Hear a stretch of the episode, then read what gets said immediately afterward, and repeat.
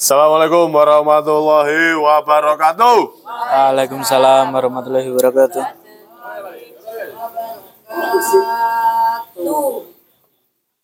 Terima kasih semuanya yang sudah hadir.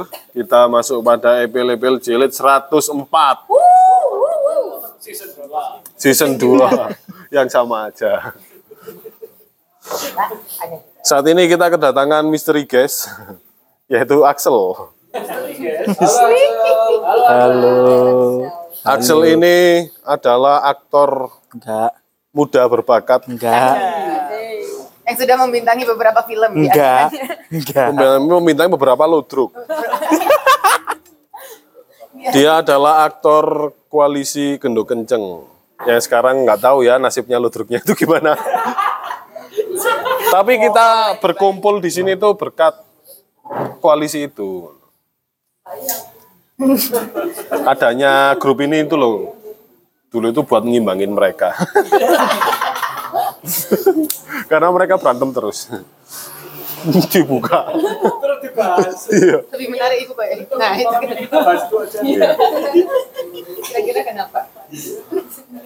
Jadi hari ini temanya adalah homeostasis. Ya itulah.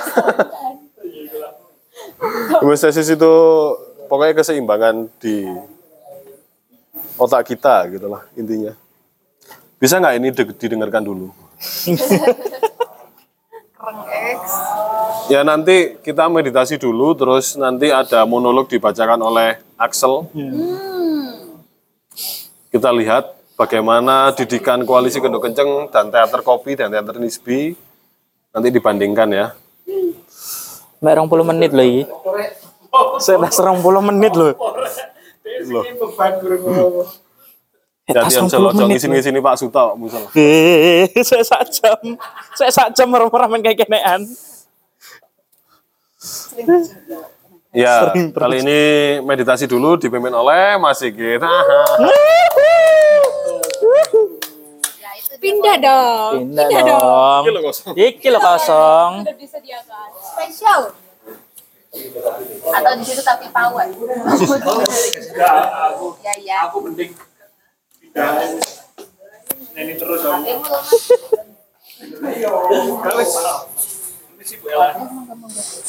Bu, boleh tolong nggak layan kasih Mas Sigit? Oh, terima kasih lu ya. Sama Bu, boleh tolong nggak? Parah, parah. Nyuruh nyuruh. Aku nanya kok. Anu, boleh tolong anu cicilan saya yang bulan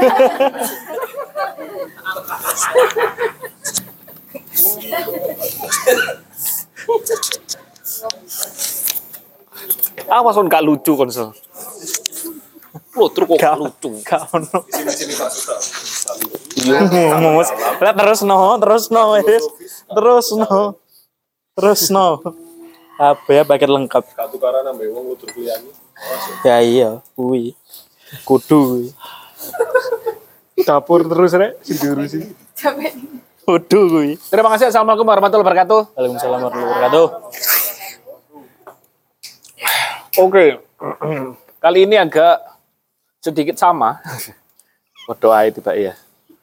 Saya akan mendekati eh, beberapa latihan yang saya pergunakan sendiri untuk fokus ya. Karena homeostasis mungkin membutuhkan dua kubu yang dianggap selalu dianggap bertentangan padahal itu sebetulnya bisa dicari blendnya gitu ya. Yaitu tentang tentang ini eh, sikap yang sikap yang apa ya nanya tegas tapi juga lembut gitu loh iya karena orang tegas itu selalu dianggap kubu yang bertentangan dengan lembut kita coba sekarang ya jadi kalau malam ini ada yang turut tak kewetak ya, itu berlawanan dengan homeostasis ya. karena itu terlalu lembut sehingga Hah? Buela.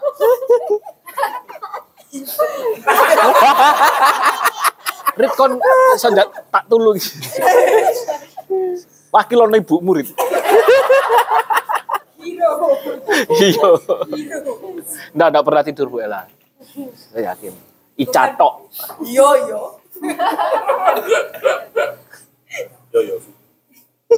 Nah, kita akan mencoba untuk me- memblendkan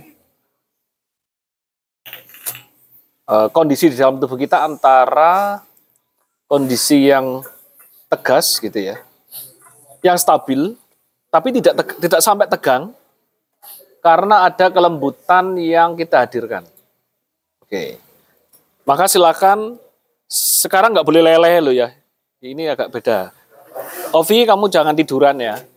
Nah, sekali ini boleh duduk, tapi asalkan ada ada sikap yang lurus gitu ya.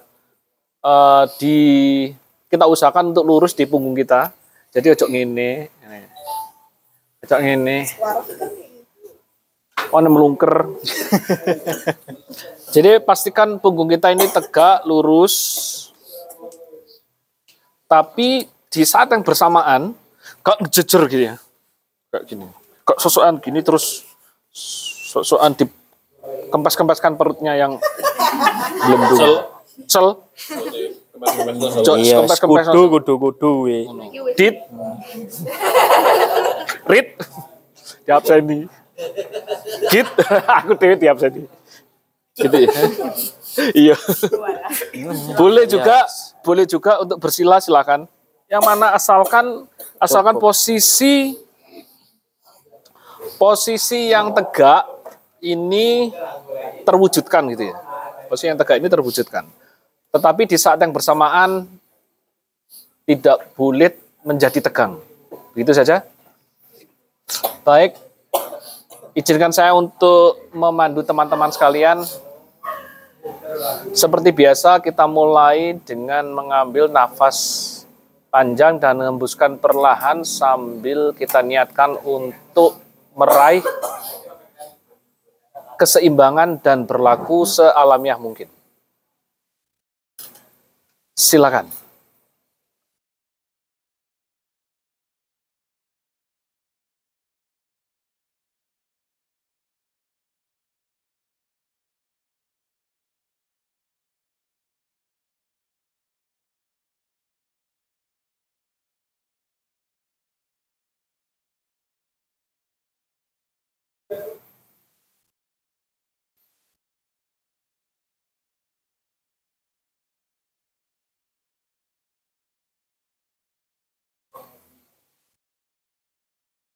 Kita amati bagian tubuh kita dari atas, dari wilayah kepala, perlahan turun sampai kaki. Kita lembutkan bagian-bagian yang terasa tegang.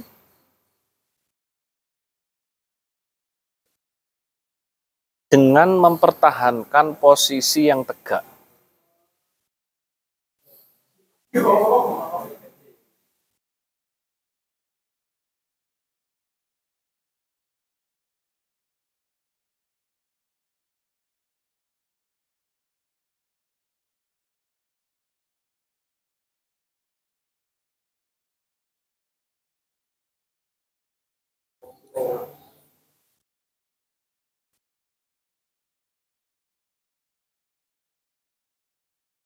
Kita bayangkan diri kita adalah gunung yang menjulang.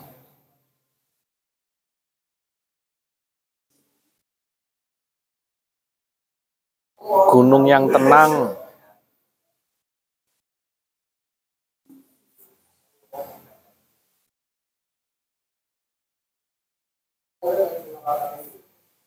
Gunung yang diam.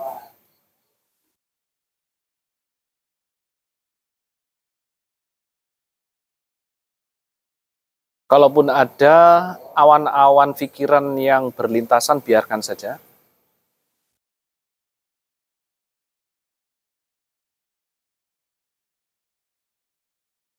Gunung yang tenang itu tidak beranjak dari tempatnya ataupun tidak mengejar arah di mana awan-awan itu pergi.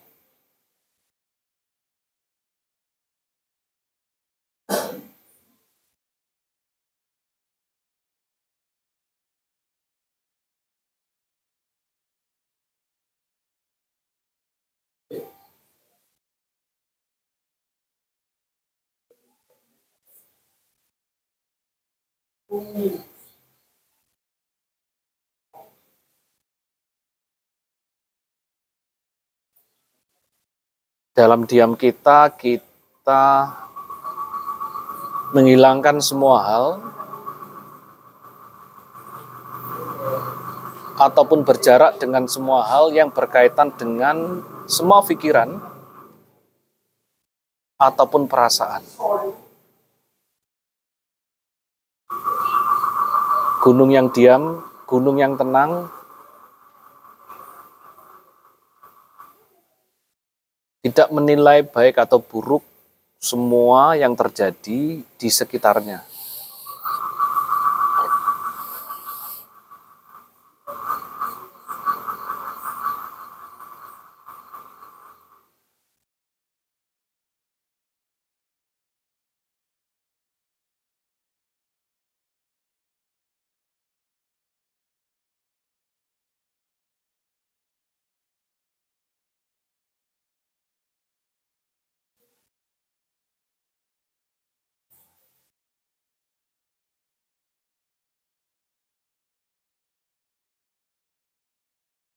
Kita rasakan betapa agungnya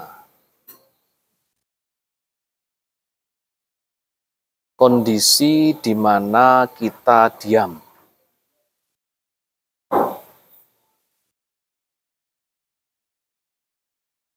Diam yang tidak pasif karena kesadaran kita terus-menerus menjangkau semua hal yang ada di sekitar kita.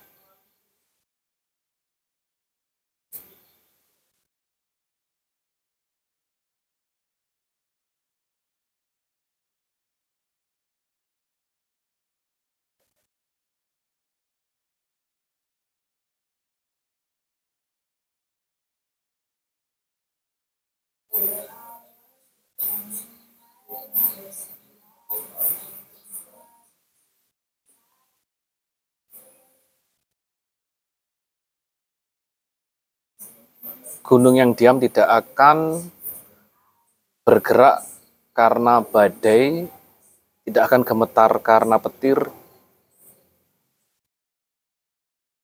tidak akan bergeser karena air bah,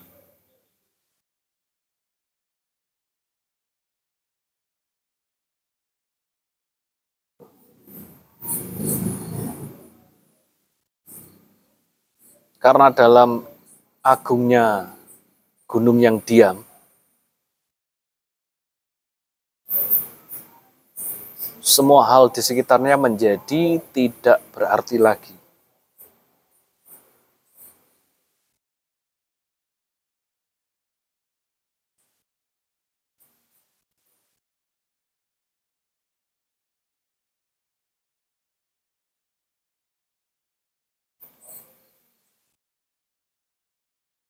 Diam tapi tidak tidur, diam tapi penuh, penuh kesadaran. Kita lebarkan kesadaran kita luas-luas.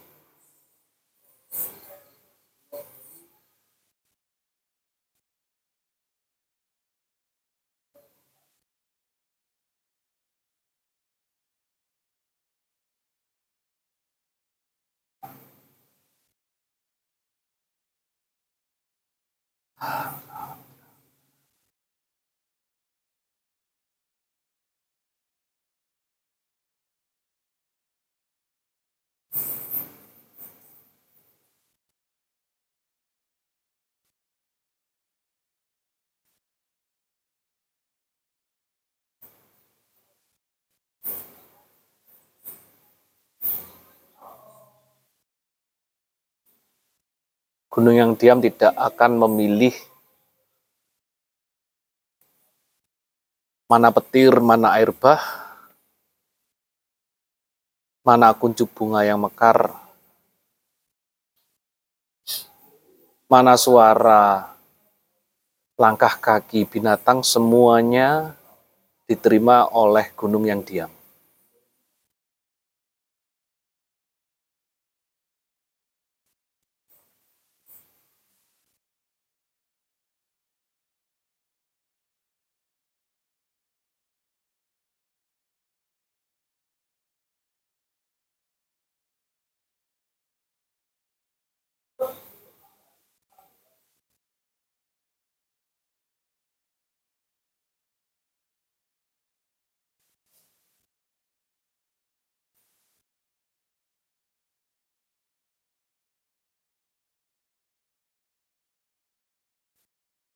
Terima kasih sudah bersama saya, sudah bersedia saya temani dalam hembusan dan tarikan, dalam tarikan dan hembusan nafas.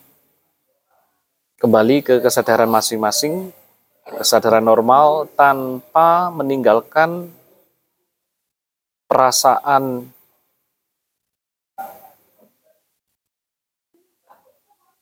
yang kita bersama alami.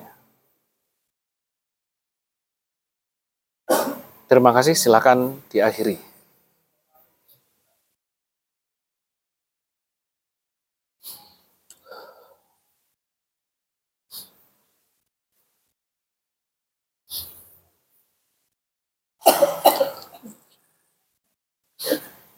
Terima kasih, saya kembalikan kepada moderator.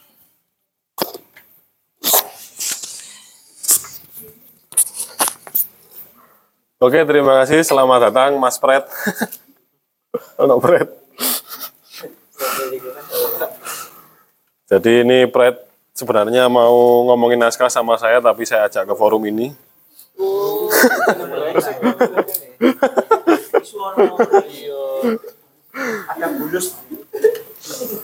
Iya, jadi ya selamat datang Mas Pret dari di forum yang nggak jelas ini. Mungkin Mas Pret buta ini ada apa? Jadi saya jelaskan dulu, ini adalah forum Epil-Epil Kaweruh. Epil-Epil Kaweruh itu. Epil-Epil Kaweruh itu artinya kita nitili pengetahuan. Itu dari tembangnya Ronggo Warsito. Nah itu kita setiap Senin berkumpul kayak gini Mas Fred. Meditasi dulu terus membahas sesuatu gitu. Ini, ini nanti dibahas. Bacakan ya, boleh pulang sampai. Yes. Oh. Begitu Mas Fred. Jadi tolong dirayakan kepentingannya untuk membahas naskah. Kita kita dengarkan mendengarkan ini dulu. Gak apa kan ya? Ya katanya.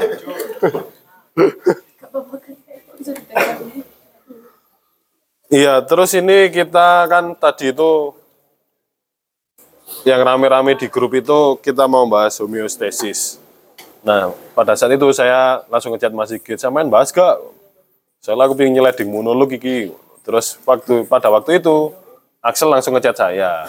Mas, buku ini tak coba saiki. Sama nang dia tak parani. Oh, kan kebetulan nih. Yes. Silakan dibacakan sel. Kalau bersama. Tapi dia tidak tak briefing sih kalau di sini mau saya suruh bacakan monolog 10 halaman ini. Iya. Dia datang ke sini langsung mau niki sel. Enggak mau tak selangi buku lah, kamu gelem aja mau cak iki. Kan. Ini ya transaksional hubungan saya ini. Begitu. Terus ya ini saya perkenalkan lagi Axel ini adalah aktor muda berbakat Enggak, dari enggak, enggak, enggak. dari koalisi Ngotot. Kendo Kenceng. Enggak. Koalisi Kendo Kenceng itu adalah ludruk kontemporer lah. yang di diketuai oleh ketua kan ya Pak Suta. nah Axel ini aktorannya dilatih oleh Pak Suta. Wow. Jadi Pak Suta pasti- itu- pasti luar biasa sekali ya. Pak Suta itu ngelatihnya kejem ya, kejem terus keaktorannya luar biasa lah Pak Suta itu. Mas awas. Nulis, musiknya keren sekali, saja-sajanya keren sekali gitu. Jadi kayaknya nanti tercermin lah kepada Axel ya. Mas. kemampuan-kemampuan itu. Terus terus noise. Ya, jadi Axel ini nanti akan membacakan monolog yang saya tulis berjudul Homeostasis Religi. Ini saya ketika riset untuk naskah film Tole itu saya kan banyak belajar tentang wayang ya. Nah, itu ternyata di sana menceritakan keseimbangan yang keren sekali itu itu ditemukan oleh ketua les bumi namanya Kiai Jahdul Maula itu banyak sekali yang saya apa curi dari sana saya langsung tempelkan ke sana gitu ya begitu jadi mari kita sambut pembacaan monolog Luar biasa. dari aktor muda dari aktor muda berbakat Please. Ayolah. Ayolah. dari koalisi Kedua Kenceng Axel yang berjudul jadi si si aku waktu ngeprom meneh ngeprom meneh. Nantikan loh. Jadi pada suatu waktu itu Buddha bersama Govinda itu ke sebuah sungai. Ke sebuah sungai terus Govinda itu apa keceh gitu kan ya. Terus moro di sama Buddha itu diomongin kamu duduk. Terus di promnya cuma di- dibilang untuk listen more. Dengarkanlah lebih jeli lagi. Terus dia ketika mendengarkan kecehnya itu tiba-tiba jernih lagi. Terus udah ngomong, kamu cukup mendengarkan saja nanti seluruh pikiranmu itu akan tenang dengan sendirinya seperti tadi yang sungai habis keruh itu. Jadi di sini kita mungkin bertugas untuk menghargai Axel yang baru saja hadir hari ini. Terus saya sliding langsung dengan tema yang sangat berat menurut saya. Jadi silakan dipersiapkan dulu Axel mentalnya dan ininya. Penyikapannya untuk membaca atau apa karakter yang kamu bayangkan silakan masuk ke sana. Jangan ketawa-ketawa Axel, fokus. Iya, iya. Iya, Mas. Iya, Mas. Jadi kita saat ini menunggu Axel pengkondisian dulu. Yoga dulu aja.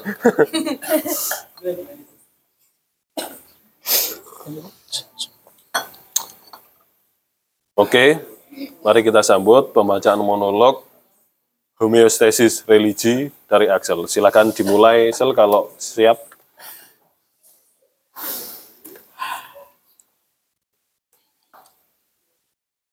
Saat menghadiri khutbah Jumat, aku melihat Pak Kiai mengenakan setelan baju dan sarung bermerek BHS. Jika ditotal, mungkin setelan itu seharga 30 juta. Ia mengabarkan iming-iming surga dan ancaman neraka dengan lantang. Lantai masjid marmer, ukiran Asmaul Husna dari kayu jati setinggi 15 meter, lampu megah, surga dan neraka. Apakah agama hanya ngurusin ini? Ketika aku renungi sewaktu kecil, aku dipaksa memilih antara patuh atau membangkang. Saat mulai berpikir, aku dipaksa memilih antara surga dan neraka. Saat dewasa, aku dipaksa memilih antara yang lurus atau yang sesat. Nanti ketika tua, aku sudah membayangkan aku akan dipaksa memilih yang benar dan yang salah. Aku hidup hanya melaksanakan peran yang dipaksakan demi kesesuaian yang telah mapan. Sungguh menjemukan. Di atas mimbar kayu jati dari Jepara, dengan ukiran sangat indah dan megah, Pak Kiai terus berkhutbah, menjelaskan ancaman neraka bagi orang-orang kafir. Terus menerus menekan ancaman neraka, namun dari iming-iming dan ancaman ini, aku merasa ada yang hilang. Aku merasa jiwa-jiwa yang menunggu dengan muram, tubuhnya untuk pulang ditinggalkan dan dilupakan. Melihat ratusan jemaat menunduk dengan dada yang kosong dan pikirannya ke mana-mana. Tak kulihat satu orang pun mendongak dan mendengarkan. Power. Bagaimana kemegahan masjid ini tak menjawab permasalahan kita yang sebenarnya. Berdiri megah tanpa mendengar orang-orang lapar di sekitar. Tak iba dengan kemiskinan tetangga. Tak lagi peduli dengan kenyataan bahwa tak ada lagi kediaman yang tentram. Lihatlah masjidku yang megah. Doakanlah kami dari masjid-masjid berlantai marmer. Ingatlah kami dalam jubah-jubah linen nyaman dan sutra. Wahai orang-orang suci, doakanlah nasib kami yang terlilit hutang pinjol demi iming-iming kredit motor yang murah.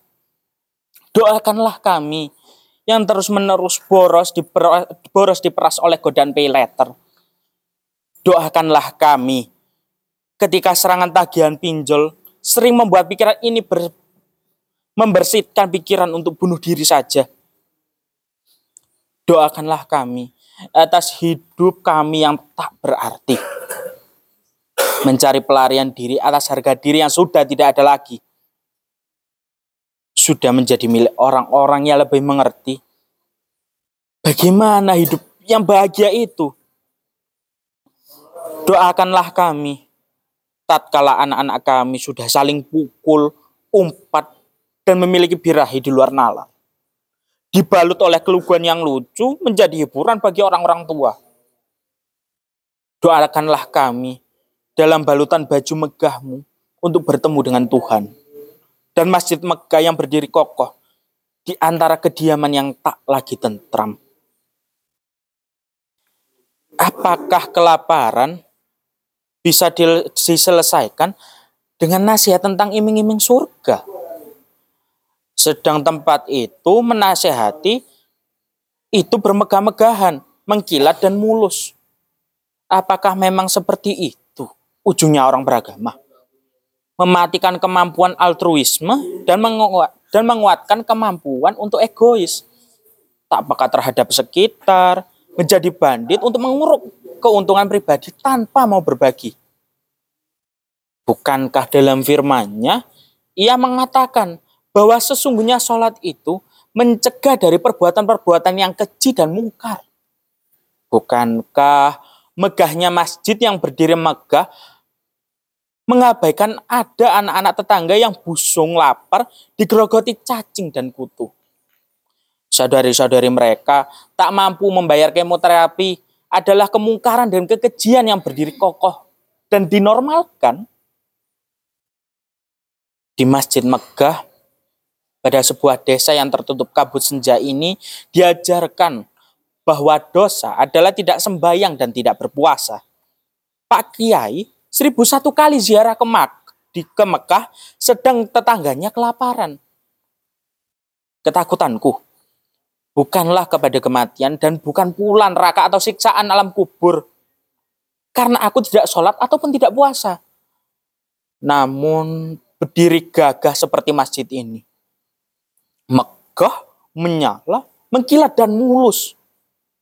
Pongah di antara kemiskinan dan ketidaktentraman kediaman. Terus dibangun kemegahannya ketika ketika ada seorang nenek tua Kristen sebatang kara hanya hidup bersama anjing dan selalu bising mendengarkan khutbah penuh penghakiman. Mewajarkan kemungkinan hingga tanpa sadar berbuat keji Lalu aku meninggalkan khutbah Jumat tanpa mengikuti sholat Jumat. Merasakan ada yang hilang. Sesuatu yang penting dari masjid itu. Kemegahan dan berisiknya khutbah seakan tidak ada artinya. Bagaikan makhluk asing yang tiba-tiba menancapkan dirinya pada desaku. Tanpa mengerti latar belakang kultural dan intelektual desaku tiba-tiba memegang peranan penting memberi ajaran agama. Berdiri dengan megah, tak menjawab apa-apa dan tak berarti apa-apa. Ada sesuatu yang penting yang hilang. Aku pergi.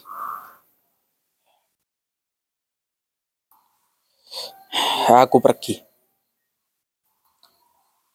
Merasakan gelisah Mengapa agama yang luhur tak lagi menjawab permasalahan-permasalahan peradaban? Jangankan peradaban, masjid megah saja begitu, abai dengan permasalahan masalah yang ada di sekitarnya. Apakah pemeluk agama ini sudah berubah menjadi bandit semua? Aku gelisah. Lalu aku merenung. Bagaimana para nabi juga mengalami kegelisahan Kebanyakan mereka menemukan jawaban ketika menyepi dan mendekatkan diri di alam. Nabi Musa 40 hari di Gunung Sinai. Nabi Muhammad 30 hari di Gua Hiro. Buddha duduk di bawah pohon Bodhi selama 49 hari. Lalu mereka mendapatkan pencerahan. Aku yang menganggap diriku sangat jauh dari para raksasa spiritual itu merasakan aku harus meniru langkah mereka. Menyendiri, menjauhkan diri dari kegelisahan, aku pergi ke gunung yang memang sering diziarahi oleh para pertapa di berbagai daerah untuk mencari sesuatu yang hilang dari ajaran agamaku yang disampaikan oleh para bandit.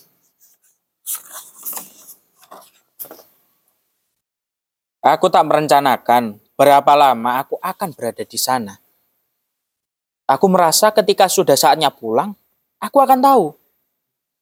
Ketika aku menapaki jalan setapak di gunung itu, kulihat daun binahong, kamboja, dan kembang sepatu berguguran. Aku merunduk, membungkuk, dan mengambil satu demi satu daun-daun itu. Mengambilnya dengan lambat, tapi tiba-tiba merasakan haru. Aku bersyukur. Aku bersyukur.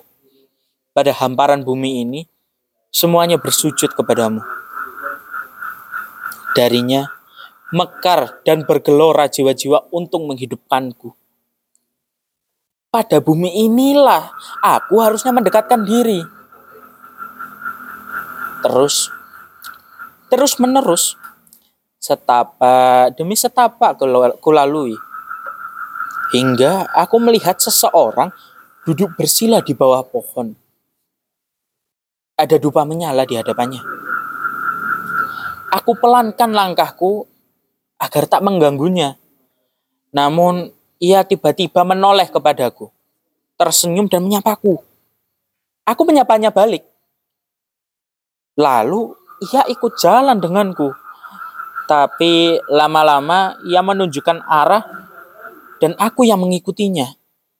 Ia mengatakan padaku bahwa dia adalah seorang dalang. Entah mengapa dia begitu ngotot menceritakanku lakon Petruk dari ratu. Di tanjakan dan jalanan berkelok-kelok, di antara nafas yang tersengal-sengal, ia tetap menceritakan kisah itu. Ia menceritakan bahwa tiba-tiba di negeri Tiban ada kerajaan ber- bernama Loji Tengara yang dipimpin oleh Raja Bel Gedebel Beh. Ia mengatakan banyak dalang juga yang menyebutnya sebagai Tong Tong Sot. Raja ini sifatnya tidak karuan. Habis menasehati rakyatnya untuk hidup sederhana, ia memerintahkan pasukannya untuk berfoya-foya, menyuruh untuk menghormati perempuan. Setelah itu memerkosa kembang desa. Dan raja ini sakti luar biasa. Siapa pun yang protes langsung dibunuh. Aku tak mengerti mengapa orang ini harus menemaniku. Aku hanya ingin mencari jawaban dari kegelisahanku. Bel gede bel beh menginginkan kerajaannya ekspansi hingga menyerang Amerta. Bima, Baladewa Arjuna, Setiaki bergabung untuk melawan, tapi tetap kalah. Kresna tidak bisa menghadang. Amerta telah ditaklukkan dan dijajah. Semua kesatria, pangeran, petinggi kerajaan Amerta langsung jadi babu loji Tengara. Lalu dalang itu berlutut, kecapean, mengambil nafas lagi. Ia menceritakan kembali bahwa pada saat perang Kresna dan Gatot Kaca tinggal gelandang colong Melayu melarikan diri dari peperangan. Gatot Kaca dan Kresna pergi ke Karang pergi ke Karang Tumaritis untuk bertemu dengan Semar. Si Dalang mengatakan bahwa Semar ini secara filosofis adalah gambaran Tuhan. Ia dualitas yang menyatu. Si Dalang kemudian ngos-ngosan dan melanjutkan cerita. Pada saat ditemui, Semar, Gareng, Bagong sedang berkumpul dan mereka mengatakan pada Kresna dan Gatot Kaca sedang kehilangan Petruk. Kresna mengadukan prahara yang terjadi di Amerta. Aku masih kebingungan. Apa hubungan cerita ini dengan kebingunganku? Si Dalang kecapean dan semakin lama ia sudah tidak peduli lagi dengan keindahan bahasa. Dia cuma menceritakan balungannya saja. Bahwa Semar mendatangi Amerta dan melihat situasi untuk mengetahui siapa sih Raja Bel Gede Belbeh yang saktinya bukan main, namun sifatnya kacau. Semar mengambil kesimpulan, tapi cuma di batin saja. Lalu dia mengambil keputusan, mengutus Gareng dan Bagong untuk perang, tapi tetap ia temani. Mereka santai saja. Malah pas sudah mau perang, di hadapan musuh, Gareng baru ingat kalau belum makan. Maka mereka maka mereka makan dulu. Semar, Gareng, Bagong saling berebut jatah makanan. Bertengkar, tertawa. Bertengkar, tertawa. Raja Bel Gede Belbeh melihat pertengkaran lucu Semar, Gareng, Bagong. Lalu ikut-ikutan. Dia berebut makanan sambil tertawa. Lalu bertengkar lagi. Ketika terketawa-ketawa, tiba-tiba Raja Bel Gede Belbeh sadar dan dia berubah lagi menjadi Petruk. Ketika Petrus sudah ketemu, punakawan lengkap, tatanan kembali, pulih normal kembali.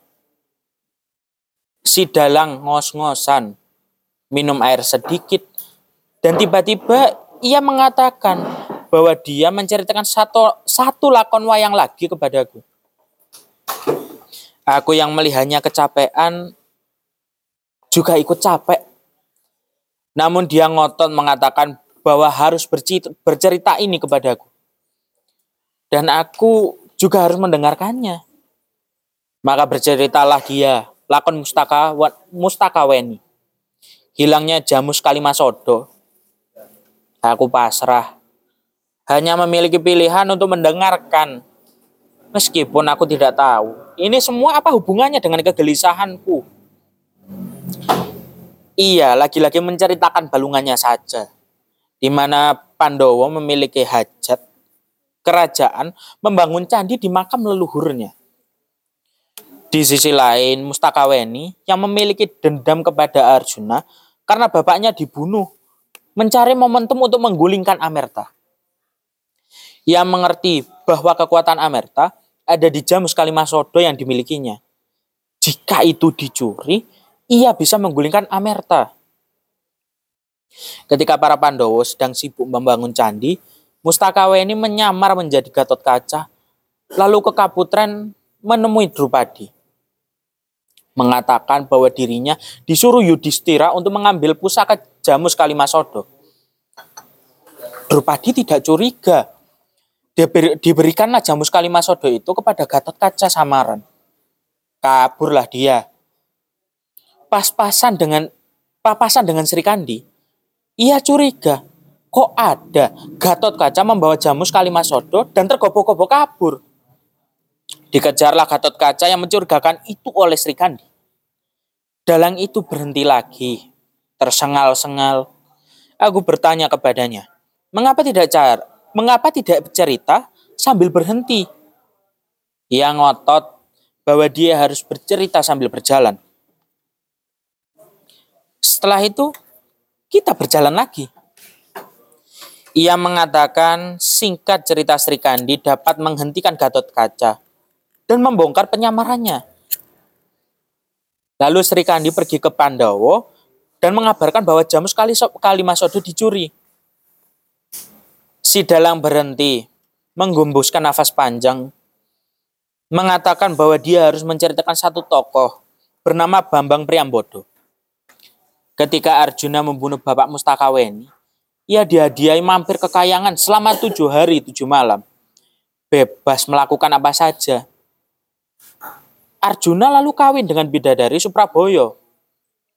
Setelah tujuh hari ditinggal oleh Arjuna, dilalah Supraboyo hamil dan lahirlah Bambang Priambodo. Sejak kecil, Bambang Priambodo tidak tahu siapa bapaknya. Tapi dia ingin mencari tahu. Ketika para Pandowo bingung bagaimana caranya merebut kembali Jamus Kalimasodo, Bambang Priambodo datang dan mengaku bahwa dia adalah anaknya Arjuna.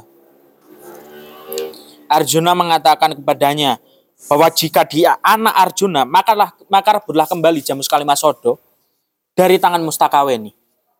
Majulah Bambang Priambodo. Terjadi pertempuran seru di atas awan Namun keduanya tak bisa dikalahkan. Bambang Priambodo menggunakan intrik menjadi bumi loka. Kakak Mustakaweni dan meminta Jamus Kalimasodo. Mustakaweni pun memberikan. Lalu dibawa kabur lagi oleh Bambang Priambodo. Dikejar lagi oleh Mustakaweni, bertempur lagi. Mustakaweni menyamar menjadi Kresna dan meminta Jamus Jamus Kalimasodo pada Bambang Priambodo. Diberikan begitu saja seterusnya. Bertempur, saling menyamar, sampai Bambang Priambodo mengeluarkan senjata sakti untuk menyerang Mustakaweni. Mustakaweni langsung tak berdaya. Pakaiannya terkoyak. Jamus Kalimasodo pun terlepas. Karena Bambang Priambodo ini ternyata kesatria yang sopan, ia tak tega melihat seorang putri jatuh dengan pakaian yang terkoyak. Ia terbang menuju Mustakaweni, menangkapnya, dan mata mereka saling bertatapan dan jatuh cinta. Bambang Priambodo lupa akan misi dia sebenarnya. Jamus Kalimasodo dilepaskan, jatuh, ditangkap oleh sang yang menang, selanjutnya dititipkan oleh Petro. Petro kebingungan bagaimana menjaga Jamus Kalimasodo ini. Diikatkanlah Jamus Kalimasodo itu ke kepalanya. Petro tiba-tiba merasa bahagia, kuat, sakti, dan lupa diri. Ia melihat ada kerajaan, lalu ia taklukkan kerajaan itu dan menjadi ia taklukkan kerajaan itu, lalu menjadi raja di sana dengan sebutan Raja Bel Gedebel Beh. Mustakaweni dan Bambang Priambodo saling sibuk jatuh cinta. Si Dalang mengembuskan nafas panjang, lalu mengatakan, singkat cerita, mereka menikah. Dia berhenti, menatapku, mengatakan bahwa dia hanya menemaniku sampai sini saja. Ia menyuruhku untuk pergi ke petilasan Eyang Semar dan menunjukkan arah jalannya. Ia kembali turun. Aku sebenarnya tak mengerti apa yang terjadi barusan. Mengapa ia begitu ngotot hingga mengabaikan kecapean dalam tubuhnya. Menceritakan dua lakon wayang sambil mendaki gunung. Namun, ah, aku tak mau berpikir lama-lama. Aku pun terus melanjutkan perjalanan mencari petilasan Eyang Semar. Setapak demi setapak aku daki. Hingga aku melihat matahari terbenam. Tiba-tiba aku tergerak untuk mengucapkan awan sambung bengi, awan sambung bengi, awan sambung bengi, sambil merapalkan Al-Fatihah. Tepat ketika Al-Fatihah selesai aku rapalkan, matahari terbenam sempurna. Ketika terbenam, aku merasa matahari itu mengucapkan sampai jumpa kepadaku dan mengatakan bahwa setelah ini aku berada dalam naungan bulan yang sunyi. Entah mengapa perasaan ini membuatku terharu. Aku terus berjalan lalu sampai pada petilasan yang semar. Tidak ada apa-apa di sini. Aku menirukan gaya si dalang yang masih semangat bercerita ketika hendak berdialog. Mengatakan bergegek ugek-ugek, sadulito mel-mel. Aku mengatakan itu semua dan bersila di hadapan patung semar. Bau-bauan yang begitu harum, silih berganti datang dan pergi.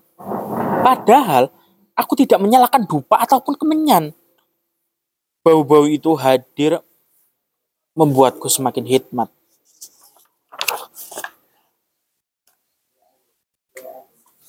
Tiba-tiba bayangan Semar muncul di benakku. Semakin lama semakin vibran, semakin jelas. Hingga seakan-akan wayang Semar yang begitu bagus dimasukkan ke dalam kepalaku. Jelas sekali, terlihat jelas sekali. Aku mendengar suara dari batinku mengatakan Kaeka Adi Dosopurwo. Semuanya dimulai dari kesatuan yang luhur dari 10 unsur. 10 yang dibagi dua. 5 panca indera luar dan panca indera dalam. 5 yang di luar adalah salah satu pernafasan. Itu milik Yudhistira. Pendengaran milik Bima. Penglihatan milik Arjuna. Keempat, pengecap milik Nakula. Dan kelima, perasa milik Sadewa. Empat dan lima adalah pelaksana dari yang ketiga. Dilanjutkan, lima yang di dalam adalah keseimbangan milik Karna. Saudara Pandawa yang dibuang ke kalangan Kurawa. Namun tetap bisa menjaga cinta kepada adik-adiknya. Tetap kesatria mengetahui salah dan benar. Memiliki tugas yang berat. Ketujuh, rasa milik Sembodro, Sembadra. Kedelapan, akal milik Resna. Sembilan, batin milik Baladewa. Yang ke sepuluh atau nol adalah ruh milik Sang Dalang. Aku merasa Semar berada di dalam benakku menjelaskan ini semua. KEK KEK Adidasa Purwo satu kawin dengan sembilan menjadi sepuluh. Yudhistira bersama Baladewa, nafas beriringan dengan batin. Jamus kalimat sodo harus dipegang oleh Yudhistira. Ia adalah kekuatan kalimat syahadat dan tauhid. Harus dilantunkan dalam tarikan dan hembusan nafas. Maka batin akan tenang dan suci. Jika nafas kacau, batin kacau, jika batin kacau, nafas juga kacau. Lalu akan terus meningkat. KEK Adidoso Purwo. Dua bersama delapan menjadi sepuluh. Bima bersama Kresna. Pendengaran bersama akal. Jangan sampai Bima disandingkan dengan Sembadra. Pendengaran dengan rasa. Akan menjadi kacau keputusan dan rasa Bima harus bersama Kresna. Pendengaran bersama akal. Setiap yang didengar harus diolah oleh akal. Maka akal harus diasah dengan semua ilmu agar selalu bisa mengolah apa yang didengar. KEK Adidoso Purwo. Tiga kawin dengan tujuh, jadi sepuluh. Arjuno kawin dengan Sembodro. Penglihatan dengan rasa Penglihatan harus dikendalikan agar rasa tidak kacau. Penglihatan langsung masuk ke dalam rasa. Rasa juga harus dikendalikan agar jernih dan tidak memperbudak penglihatan. Jika rasa memiliki keinginan yang kacau, ia akan memperbudak mata agar melihat apa-apa yang diinginkannya demi kepuasan syahwatnya. KEK Adidoso Purwo. Empat bersama dengan enam menjadi sepuluh. Nakula bersama dengan karena, lidah bersama dengan keseimbangan. Apa pun yang dikatakan harus berdasarkan keseimbangan diri, sehingga bisa mengatakan kebenaran dan kebenaran yang sesungguhnya. Keseimbangan harus selalu dilatih dalam diri, agar tidak memilih, agar tidak memihak salah satu pihak dan berujung pada mengatakan kebohongan.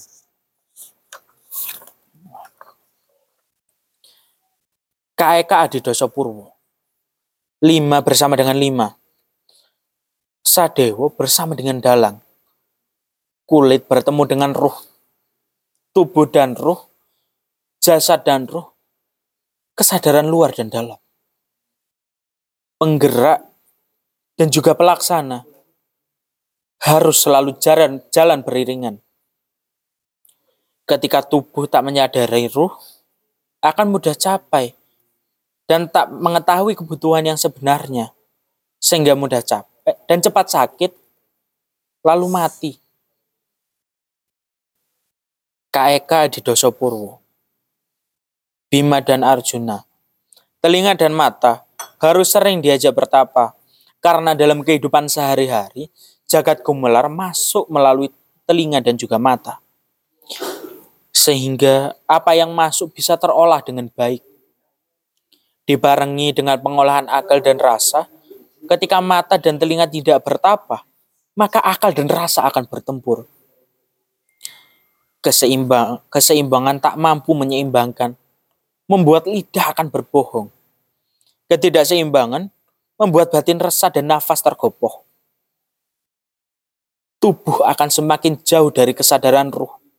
Terjadilah perang Barata Yuda ketika sepuluh unsur pada manusia tidak menyatu. Indra luar dan dalam saling berperang, saling berperang. KEK di Dosopurwo. Ketika kesungguhan untuk menyatukan sepuluh unsur ini sudah ada, demi mencari kebenaran sejati, maka akan datang empat malaikat pendamping.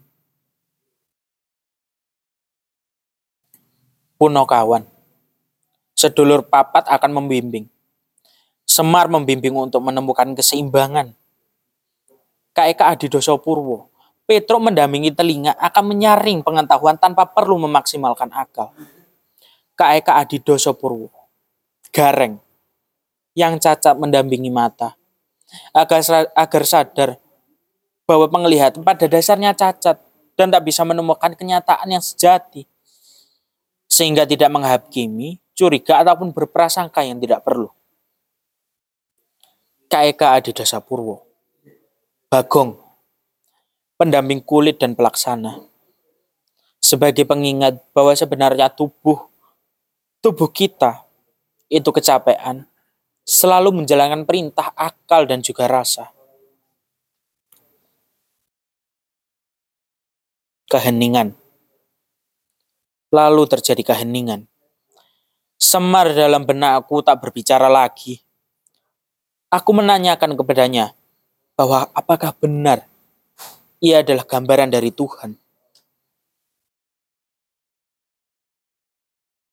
Dari batinku terjawab, bukan. Semar adalah lambang tauhid, la ilaha illallah. Kemudian gambar Semar dalam benakku mulai samar, semakin samar lalu hilang. Dari batinku, Semar mengatakan, Sudah, untuk sementara, kamu dan aku sudah selesai. Aku membuka mata, baru sadar. Selama ini aku menangis terseduh-seduh. Aku terus menangis, mengalami haru yang luar biasa, mendapatkan pencerahan tentang AKEK Adi Dosopurwo. Langsung dari Semar itu sendiri. Ku nikmati eufor euforia haruku. Aku begitu bahagia, seakan-akan jika aku mati sekarang aku bersedia. Aku tidak takut apa pun. Beberapa hari kemudian, perlahan-lahan euforia aku surut. Dan aku bisa berpikir normal lagi. Dan aku memikirkan cerita dalang yang, meneng, yang menemaniku kapan lalu. Lakon Petruk dari Ratu dan Mustakaweni. Aku rasa aku telah memiliki kunci untuk memahami cerita wayang tersebut. pada lakon Mustakaweni, Pandowo Limo sibuk membangun candi. Kesepuluh unsur dalam diri, semuanya sibuk membangun candi. Candi itu bisa dilambangkan sebagai material. Dan makam leluhur bisa dilambangkan sebagai kehormatan ataupun kewibawaan. Ini bagaikan seseorang memperjuangkan material dan membawa sepuluh unsur pada dirinya demi mem, demi mengejar sebuah kehormatan dan kewibawaan. Pada saat itu, jamus kalimasodo atau keimanan seseorang rawan untuk dicuri.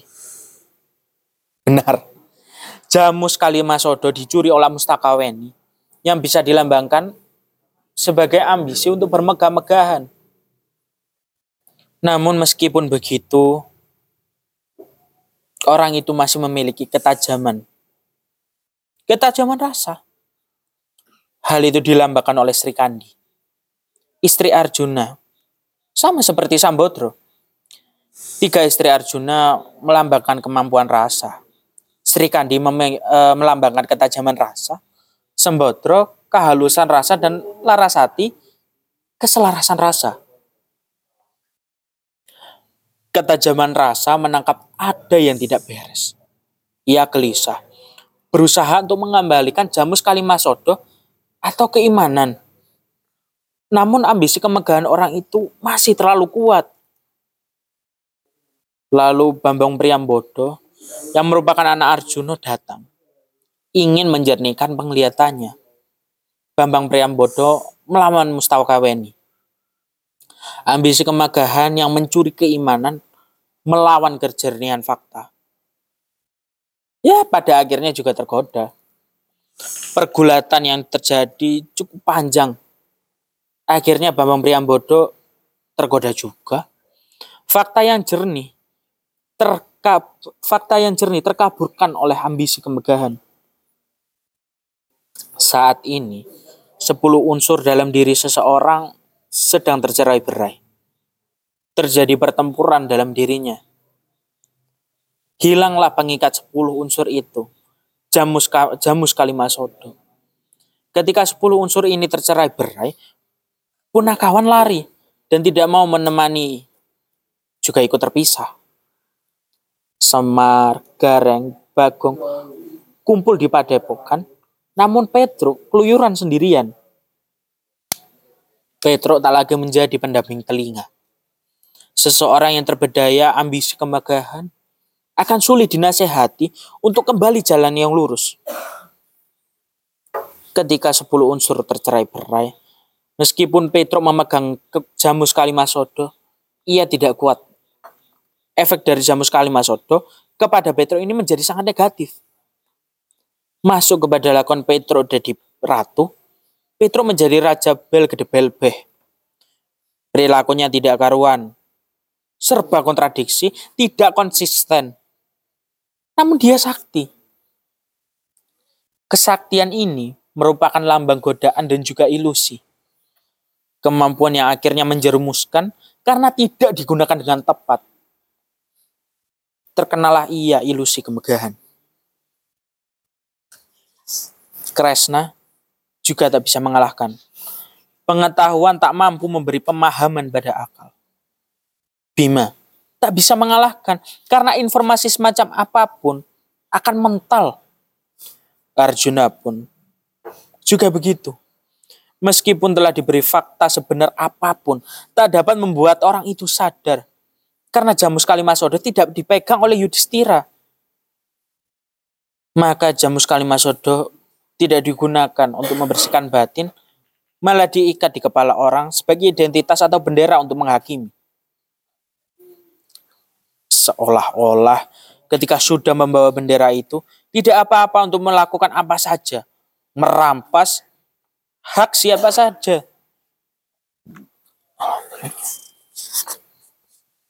Meski begitu, Gatot Kaca bisa melarikan diri bersama Kresna. Gatot Kaca adalah anak Bima yang melambangkan, jangkauan pendengaran di bumi.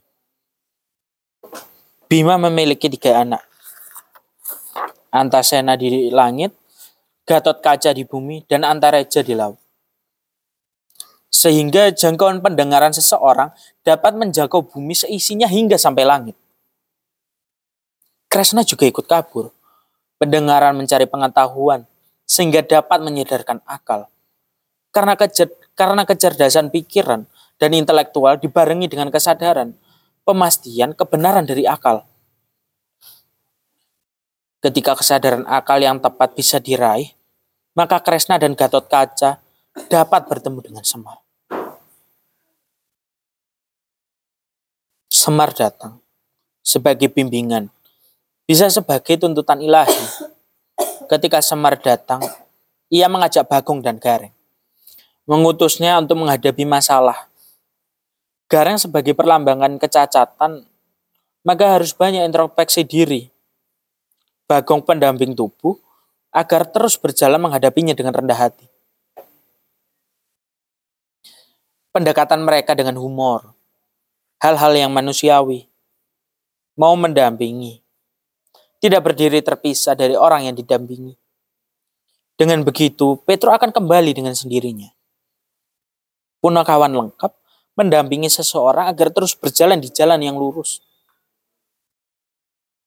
Dan juga menyenangkan, penuh dengan keluguan. Aku terkejut sendiri. Aku terkejut terhadap penemuan ini. Ternyata dalam yang menceritakanku dengan ngotot beberapa hari yang lalu, menyiapkanku untuk bertemu dengan Semar yang memberikan penjelasan tentang KEK Dosopurwo. Sehingga aku bisa memetas sehingga aku bisa memetakan lebih jauh apa yang harus aku lakukan dan apa yang harus aku seimbangkan. Aku merenung dan aku terus merenung. Mengingat kembali ketika aku bertanya kepada Semar, apakah dia gambaran Tuhan? Dia menjawab bukan. Ia adalah gambaran dari kalimat tauhid. La ilaha illallah. Tiada Tuhan selain Allah. Tidak ada Tuhan, tapi tapi Allah ada. Ketiadaan dan keadaan. Dualitas yang menyatu. Ternyata dalam beberapa hari yang lalu menganggap dualitas yang menyatu itu adalah Tuhan. Namun bagi Semar itu adalah tauhid. Dualitas yang menyatu pada Semar. Laki-laki perempuan, maskulin feminim, penderitaan kebahagiaan, tangis tawa tua bocah, jelas penuh rahasia, bungku juga tegak. Ia kesatuan dari itu semua. Jika la ilaha illallah dicomot menjadi la ilaha menjadi la ilaha atau tiada Tuhan, maka apa-apa yang ada bukanlah Tuhan. Di sini Semar berada dalam dunia yang serba bukan. Ser Semar bukan perempuan, juga bukan laki-laki. Bukan maskulin, juga bukan feminim. Bukan penderitaan, juga bukan kebahagiaan. Bukan tangis, bukan tawa. Bukan tua, juga bukan bocah. Bukan jelas, bukan rahasia, bukan tegak, juga bukan bungkuk. Segalanya bukan. Pada titik ini, apa yang bisa aku temukan ketika segalanya bukan. Tidak ada kebenaran, tidak ada kesalahan. Tidak ada pembangkangan, tidak ada kepatuhan. Tidak ada surga, tidak ada neraka, tidak ada lurus, tidak ada sesat. Tidak ada benar, tidak ada salah. Maka, segalanya berada dalam keadaan yang tepat. Semuanya dalam keadaan yang pas. Muara ketepatan dan kepasan adalah kebijaksanaan. Dalam dunia yang ketiadaan akan ditemukan kebijaksanaan. Lalu di, lalu dilanjutkan dengan ilallah selain Allah. Maka apa-apa yang ada dalam manif, ada adalah manifestasi dari Allah. Pengingat Allah. Di sini Semar berada dalam dunia yang serba iya. Semar adalah perempuan, Semar juga laki-laki, maskulin juga feminim, penderitaan juga kebahagiaan, tangis juga tawa, tua juga bocah, jelas juga rahasia. Tegak juga bungkuk, segalanya iya. Maka di dalam dunia iya. Semar ketika segalanya juga adalah iya. Yang aku rasakan adalah penerimaan total.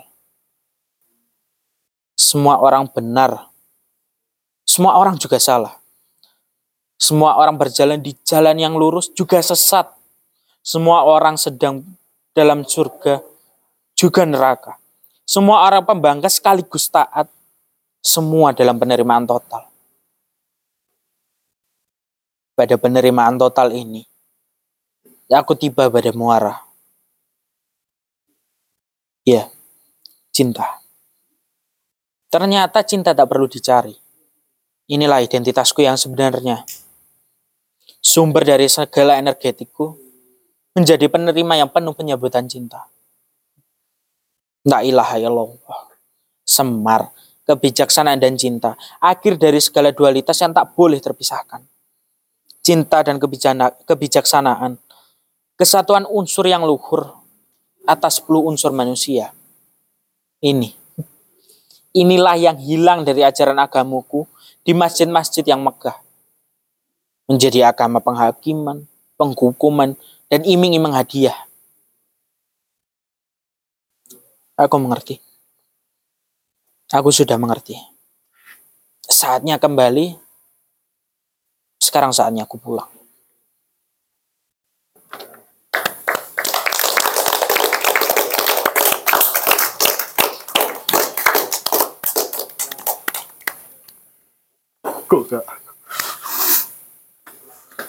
Terima kasih Axel telah membacakan monolog sok-sok didelok. monolog homo homoestesis religi. Oke, ini tadi telah dibacakan. Menurut Axel, wis ngomong maca suwi. Oke, mari kita bahas apa yang dikatakan oleh Axel ini mungkin membahasnya dari meditasi tadi juga nggak apa-apa. Terus disambung ke Axel atau diseleding curhat-curhat ya nggak apa-apa. Aku balik duluan boleh? Boleh. Boleh? Harus merokok.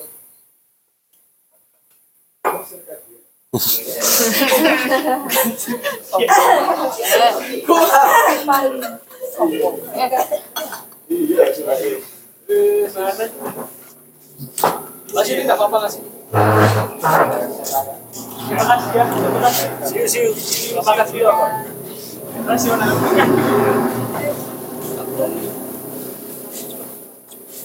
Pertama-tama selamat datang Mbak April. Terima kasih sudah menyempatkan waktunya untuk ke sini. Kemarin kayak nggak mau nggak mau gitu, nggak tahu apa yang dilakukan oleh Mas Indu untuk membujukmu ya. Tapi yang jelas kita berbahagia atas kehadirannya sampean. Oke, siapa yang mau menanggapi ini Pret mungkin Pret?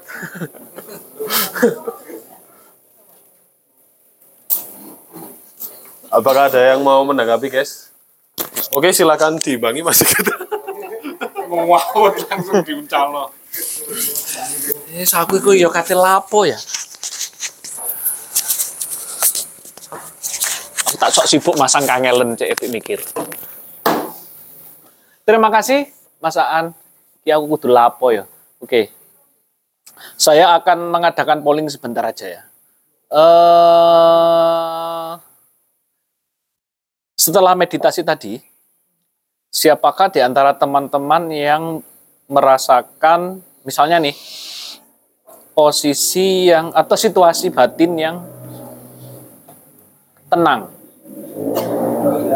siapa? Oh banyak ya. Agak.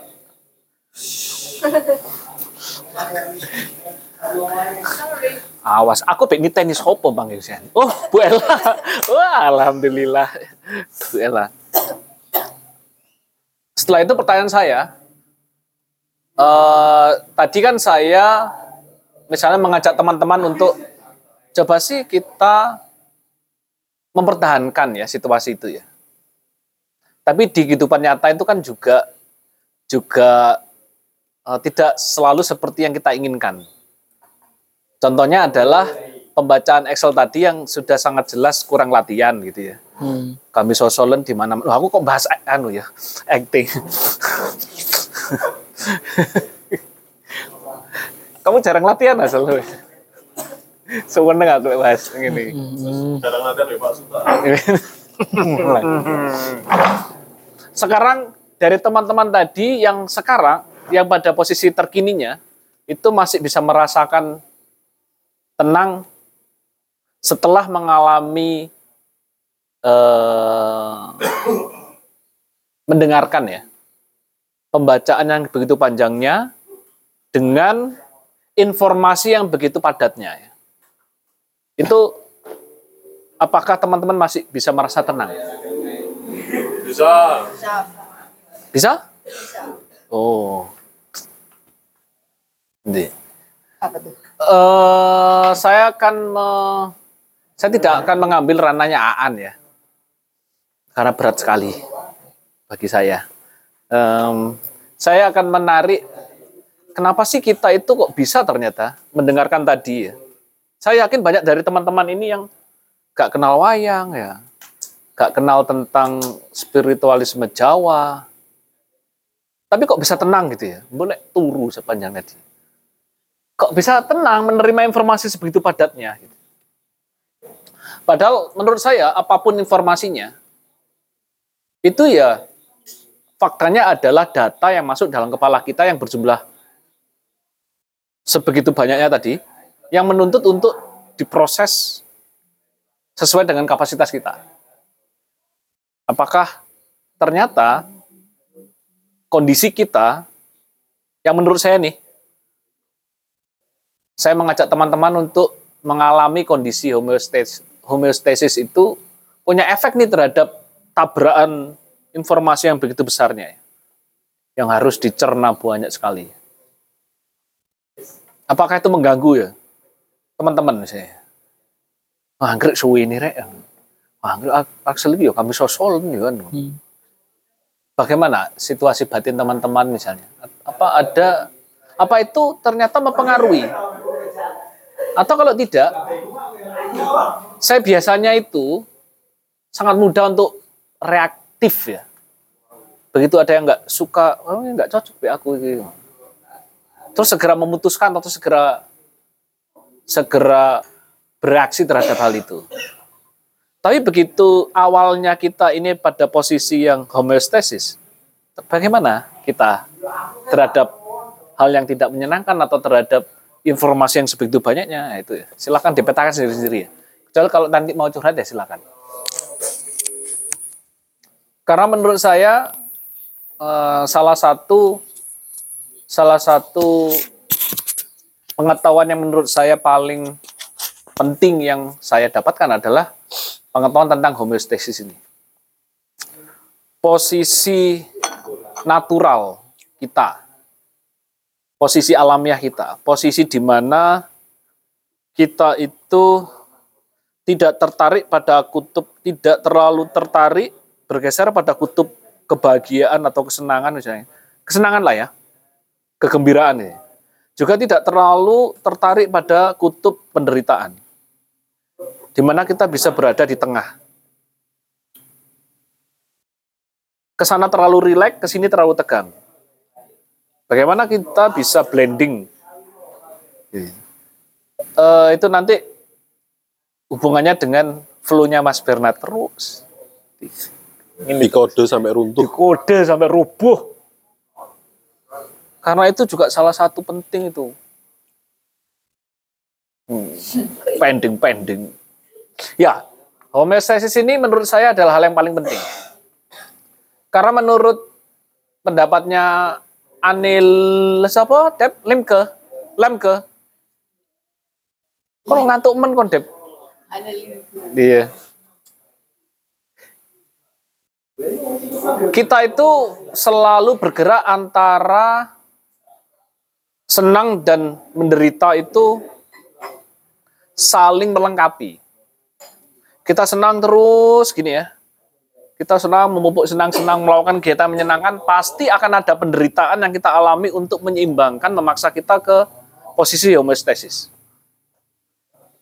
Maka kegiatan-kegiatan yang menurut saya membypass, entah itu kegiatannya mungkin refleksi atau meditasi apa pun lah ya, zikir apa pun ya, yang tidak tidak memberikan ruang pada penderitaan untuk ikut menyeimbangkan. Jadi kalau kita gembira, ya kita bisa me- menggunakan satu cara untuk kembali ke homeostasis. Begitu juga dengan kita waktu menderita, itu kita enggak biasa kalau kita menderita itu ya, waduh bosen. Kita mencari kesenangan untuk mengobatinya, padahal itu nantinya akan membandil, loh, membandil, betul. Akan Mental. akan me, Mental. Mm-mm. memantul. ya dia akan me- menabrak kita kembali dengan kekuatan yang penderitaan yang jauh lebih besar. Itu sudah hukum menurut saya itu adalah hukum alam kita ya. Karena posisi saraf menderita dan gembira itu jadi satu gitu loh. Jadi sangat lumrah kita nangis terus eh, tapi senang gitu ya. Kita tertawa tapi sedih banget itu sangat lumrah. Karena memang semuanya itu dalam satu dalam satu ini apa eh, daerah itu ya di kepala kita ini ya. Maka satu-satunya cara adalah mengembangkan sikap untuk secara mandiri mampu mengembalikan ke posisi senetral mungkin, yaitu posisi homeostasis. Karena di sana letak semua, menurut saya, semua keajaiban bisa datang. Gitu. ya. Di sanalah tubuh kita akan mengeluarkan enzim-enzim yang membantu untuk growth ataupun cure ataupun untuk menyembuhkan. Kita tidak bisa, kita akan sangat susah sembuh begitu kita masih terhantam dengan penderitaan. Gitu ya. Kita masih tenggelam dalam euforia gitu ya. Maka tubuh kita akan mampu menyembuhkan dengan sendirinya begitu dia pada posisi yang paling optimal nih yaitu posisi homeostasis. homeostasis. Jadi eh, menurut saya itu selama ini ya, sementara ini itu menurut saya pengetahuan yang salah satu pengetahuan penting bagi saya ya. Saya memastikan dalam pekerjaan saya itu untuk sedekat mungkin dalam posisi ini. Saya tidak melakukan pekerjaan dalam dalam situasi perasaan yang begitu gembiranya, saya akan teledor. Saya tidak akan mendekati pekerjaan saya dengan posisi batin yang sangat menderita, marah misalnya gitu ya. Maka saya akan menjadi ya akan menjadi ceroboh juga. Gitu. Posisi paling optimal adalah posisi yang seimbang kita melakukan sesuatu dengan rileks tapi sekaligus serius dalam satu masa. Tidak serius banget tapi tegang. Tapi rileks banget sampai keturun. Ya akhirnya gak melakukan sesuatu. Maka menurut saya posisi ini blending antara antara kita bisa fokus tapi di saat yang sama kita rileks itu posisi kita melakukan tindakan apa pun akan menjadi optimal. Itu cerdas-cerdasnya kita. Itu eh, keren-kerennya kita itu ada di posisi itu. Posisi homeostasis. Karena itu adalah posisi paling optimal eh, yang bisa dialami oleh manusia. Itulah kenapa tubuh kita memaksa kita untuk selalu kembali ke posisi itu. Tapi kita yang selalu membajak untuk untuk seolah-olah kita itu harus gembira terus gitu. Kita harus merasakan kesenangan terus. Padahal ada yang bermutu lebih baik, lebih tinggi daripada kegembiraan dan kesenangan yaitu ketenangan, kedamaian, ke ya posisi homeostasis ini. Menurut saya itu adalah posisi atau situasi paling bermutu tinggi yang kita bisa capai. Begitu. Bila disambungkan dengan apa monolognya Axel tadi, menurut saya spiritualisme itu berusaha untuk memahami bagaimana eh, manusia ini bekerja dan bagaimana dia menjadi tools untuk memaksimalkan manusia itu. Gitu. Musuh ini, aku yang mikir, opo untuk memaksimalkan kinerja manusia itu untuk hidup. Oh no. Bagaimana manusia bisa seefektif mungkin? Jalannya menurut saya macam-macam. Sains bisa, silakan. Spiritualisme bisa seperti yang tadi itu menurut saya adalah upaya untuk upaya untuk berada di di situasi homeostasis ya. Ada dua paradok yang disatukan, kita di tengah gitu ya. Ya begitulah ya.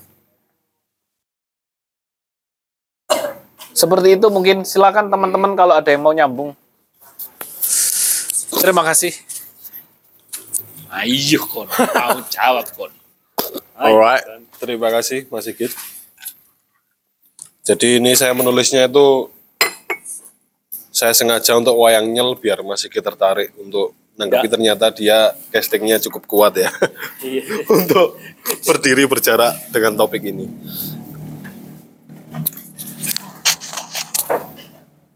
Ya saya aja yang nyambung.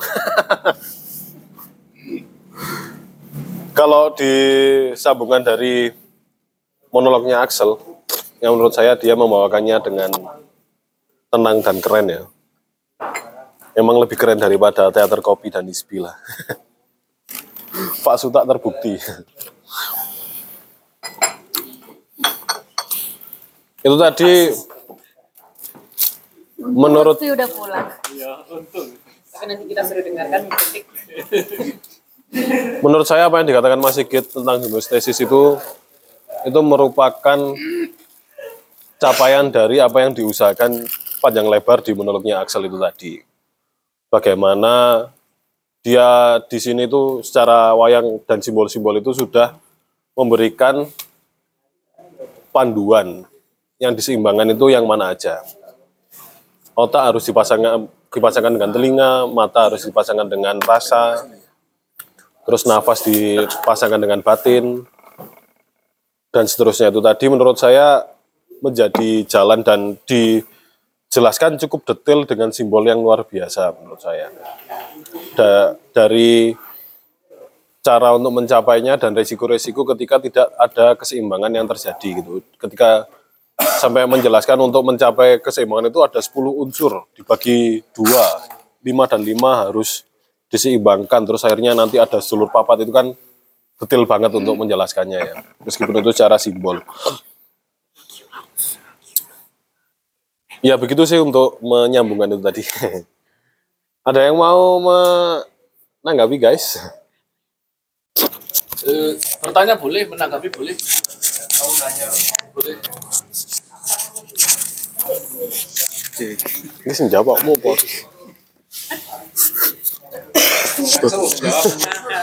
Coba Mas Sigit boleh jawab. Ya. Udah. ya. Ayo gas. Jadi dulu aku itu pernah lihat salah satu saudariku. Jadi dulu aku pernah lihat. Sama pelatih. Jadi dulu aku pernah lihat saudariku itu dia nangis nangis terus sampai lama-lama banget terus kalau aku lihat dia tuh kayak udah gak bisa nangis lagi dan akhirnya dia ganti tangisannya dengan ketawa. Itu apakah hemo oh, homeostasis ya? Homeostasis apa sih?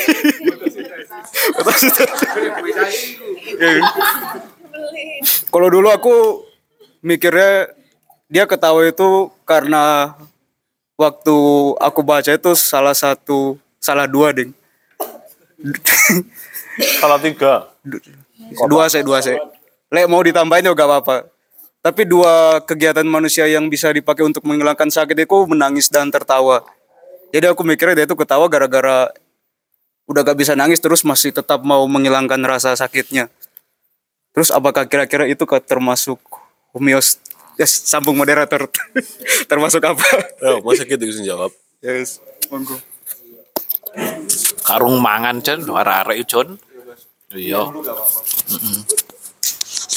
Ah, Untung ada Ulin. Senukokno. Terima kasih Ulin ya. Ya atas apa namanya puding Sangha Namaste. Tulisannya aku terharu. Apa gilo?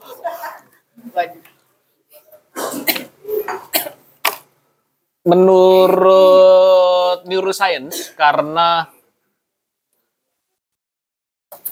sumber dari rasa menderita dan rasa gembira itu satu, maka akan saling mudah berkelindan ya, saling mudah berganti. Memang begitu hukumnya. Akan saling tarik menarik untuk menor, saling menormalkan, gitu. Itulah eh, menurut saya hukum hukum alamnya seperti itu. Gitu. Itu termanifestasi menjadi eh, bentuk-bentuk kesenian misalnya drama komedi. Apa jenenge itu tragedi. Komedi ngono-ngono lah ya. Kalau tragedi itu ya komedi komedi itu jadi tragedi ya ngono-ngono ya. Karena memang pada dasarnya di tubuh kita itu mereka itu satu gitu loh. Nggak nggak ada bedanya. Menurut kalau itu dilepaskan dari nilai apakah menderita itu buruk dan gembira itu baik ya kalau itu dilepaskan dan benar-benar kita melihat itu sebagai sebuah pengalaman, ya dua-duanya ini bersumber pada satu hal yang sama, pada satu tempat yang sama. Ya sama aja sebetulnya dua-duanya. Otak kita itu kitalah yang menginterpretasi atau atau eh, mungkin konstruksi sosial yang menginterpretasi banyak hal menjadi apakah ini baik atau buruk misalnya gitu ya. Ano. Nangis itu hal yang lebih bernilai bermutu rendah daripada tertawa misalnya. Lek bayi kan repot ya. Yo bayi sone nangis kok terus kon kate kon sedih. Cur kan gak iso ya. Iya kan ya. Berarti itu juga hal yang sangat sangat tidak stabil gitu loh karena itu berdasarkan penilaian. Tapi kalau berdasarkan neuroscience dua-duanya sama aja. Pengalaman itu ya dianggap sebagai hanya sebuah sebuah sambungan informasi dari satu neuron ke neuron lain ya seperti itu.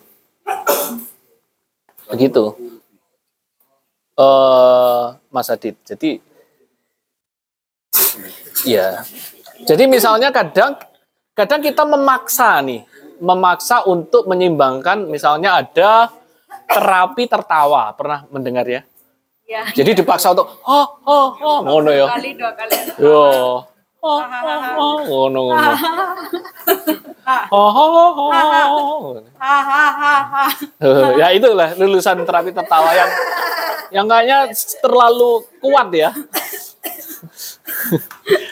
nah itu mengharapkan untuk menyeimbangkan sebetulnya.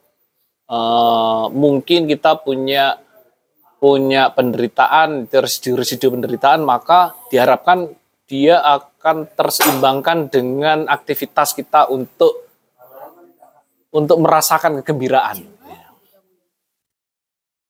Tapi bayangkan kalau itu jungkat-jungkit gitu ya. Menderita diimbangin, menderita, wih gak pernah berhenti gini, gini. Ya kita lah yang akan capek ya.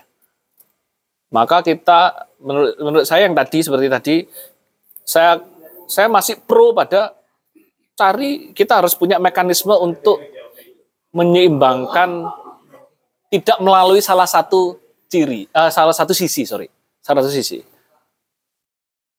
Kita tidak terburu-buru waktu bosen untuk apa yang ngobat ini ya, ngono, ya. Apa tube eight, apa red tube, apa Sakarepku aku sing ngomong. Camfrog ya. Luawir ya. Jadi ya itu tadi kenapa kita tidak tidak ada pilihan misalnya nih kita lagi bosen nih ya sudah dibiarkan saja bosennya dia akan kehilangan momentum uh, dengan sendirinya. Kalau dia itu punya energi seberapa akan hilang sendirinya. Maka secara alamiah kita akan mencapai posisi homeostasis tanpa perlu untuk jomplang no lagi gitu loh dengan mencari obatnya. Kita cari obatnya begini dijomplang no, apalagi obatnya kuat gitu ya, yang memicu adrenalin atau memicu emosi, maka nanti juga akan menggerakkan penderitaan lagi ya, gak pernah berhenti. Maka sepanjang hidup kita akan berlari ke kiri ke kanan di antara dua sisi menderita dan gembira itu secara terus menerus.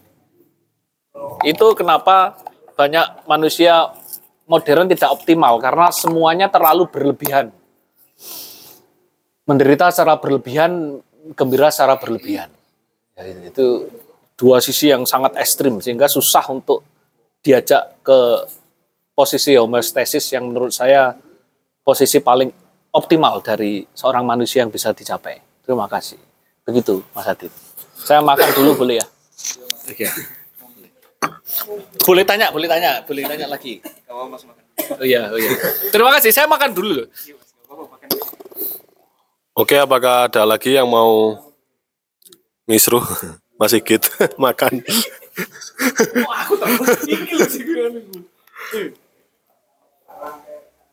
Oke, Rina saja. Tanggapi Rin, ngomong-ngomong sembarang.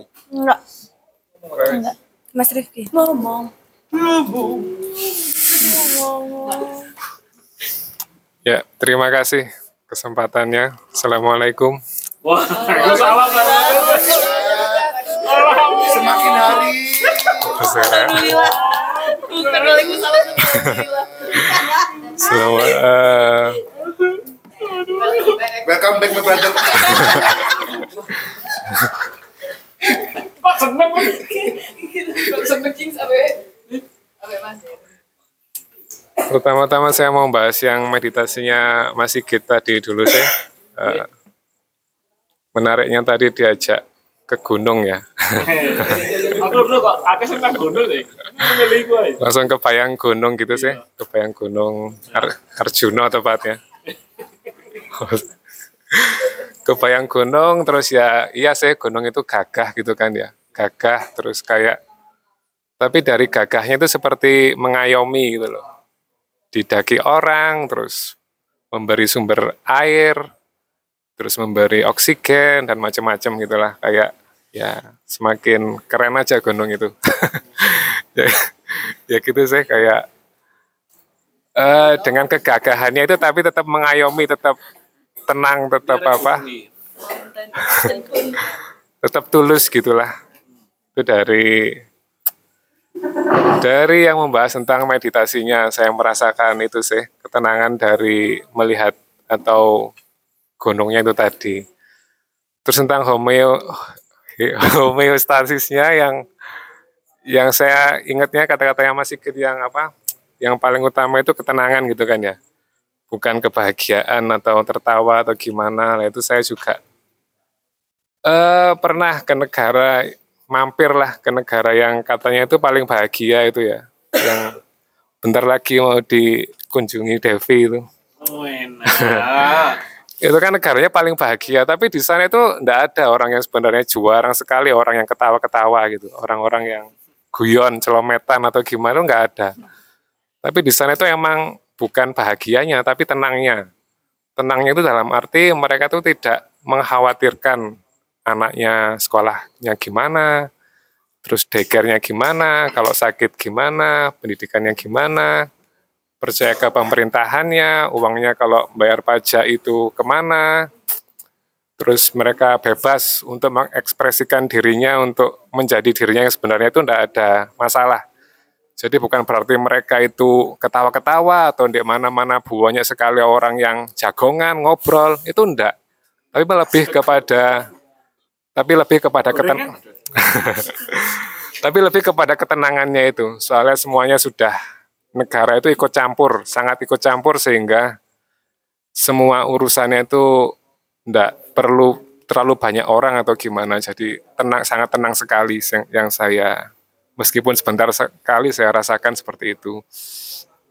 Terus juga terima kasih atas Mas Axel yang tadi menurut saya stamina-nya luar biasa sekali bisa membaca segitu panjangnya tadi dengan tone dan dengan menurut saya penghayatannya nggak turun gitu loh tadi itu kayak keren sekali. Dan apa ya itu sih kalau saya me, dan saya yakin itu pasti isinya juga sangat keren sekali dari Aan tapi ya itu sih saya menganggapnya yang disampaikan dari Mas Axel tadi seperti baratnya itu full day school-nya di Indonesia gitu loh. Jadi kayak kita tuh full day school sekolah dari jam setengah 7 sampai jam 4 gitu.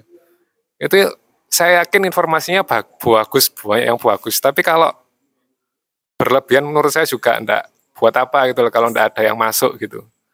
Itu kayak pernah istri saya tuh ditanyai kalau Indonesia itu masuk sekolah jam berapa? Jam setengah tujuh. Eh kayak kaget semua gitu loh. Nah, terus kok gak pinter-pinter orang Indonesia ya. no? Padahal di sana itu masuk sekolah itu jam 9. Jam 9 terus jam 2 itu baru sudah pulang gitu. Jadi informasinya itu yang perlu-perlu saja dan yang padat gitu loh. Jadi itu sih kayak saya tangkap dan saya tadi yang menangkapnya itu cuma sampai bab bab yang eh, masjidnya yang megah kayak ibadahnya megah terus tapi di sekelilingnya itu ada yang orang-orang kelaparan, orang-orang nenek dan semuanya itu yang saya nangkepnya sampai situ saja sih terus yang selanjutnya sudah gelam biar nggak fokus ke mana-mana. Tapi kalau ya itu saya cuma dari yang masjid yang megah terus kelilingnya yang miskin atau gimana itu mungkin sudah umum ya. Umum atau namanya sangat mudah lah untuk hitam putih gitu loh itu sudah jelas. Tapi kayak saya nggak tahu kebayangnya itu kalau misalnya sekarang ada isu yang ngetren atau lagi mungkin bakal semakin santer gitulah. Mungkin ada hubungannya dengan eh, homeostasis dalam arti kata pertamanya kalau misalnya sekitarnya itu orangnya eh, tidak bisa mengekspre- mengekspresikan dirinya misalnya orangnya. Ini mungkin agak jauh ya LGBT gitu misalnya. Itu kan sudah jelas-jelas tidak diterima tapi kayak ya itu mungkin gitulah. Saya kepikirannya ke situ tadi soalnya. Ya itu saja. Terima kasih.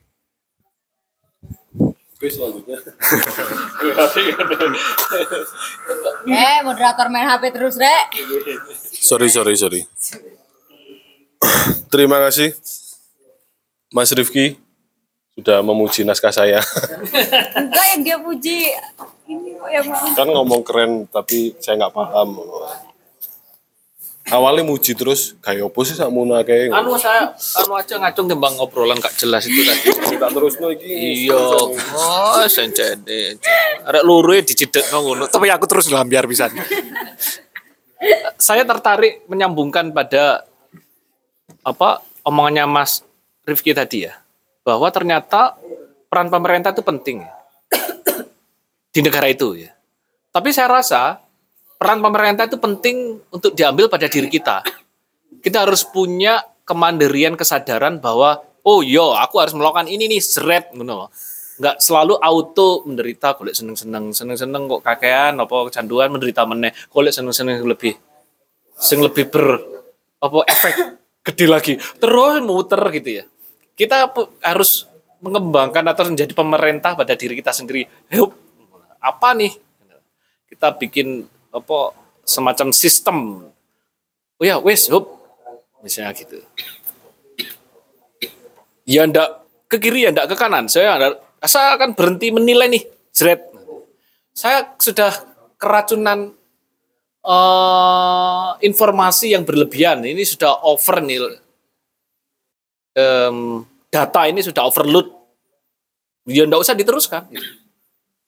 Mulai aja tuh kok kuliah ya. Kenapa? Overload pak. Gitu ya. Lah ya, ya, ya apa katanya ya? Ini demi kewarasan mental saya loh pak. Gitu ya. Kata gendeng aku nangkini terus ini. Kata gendeng goblok. Goblok. Jadi Iya.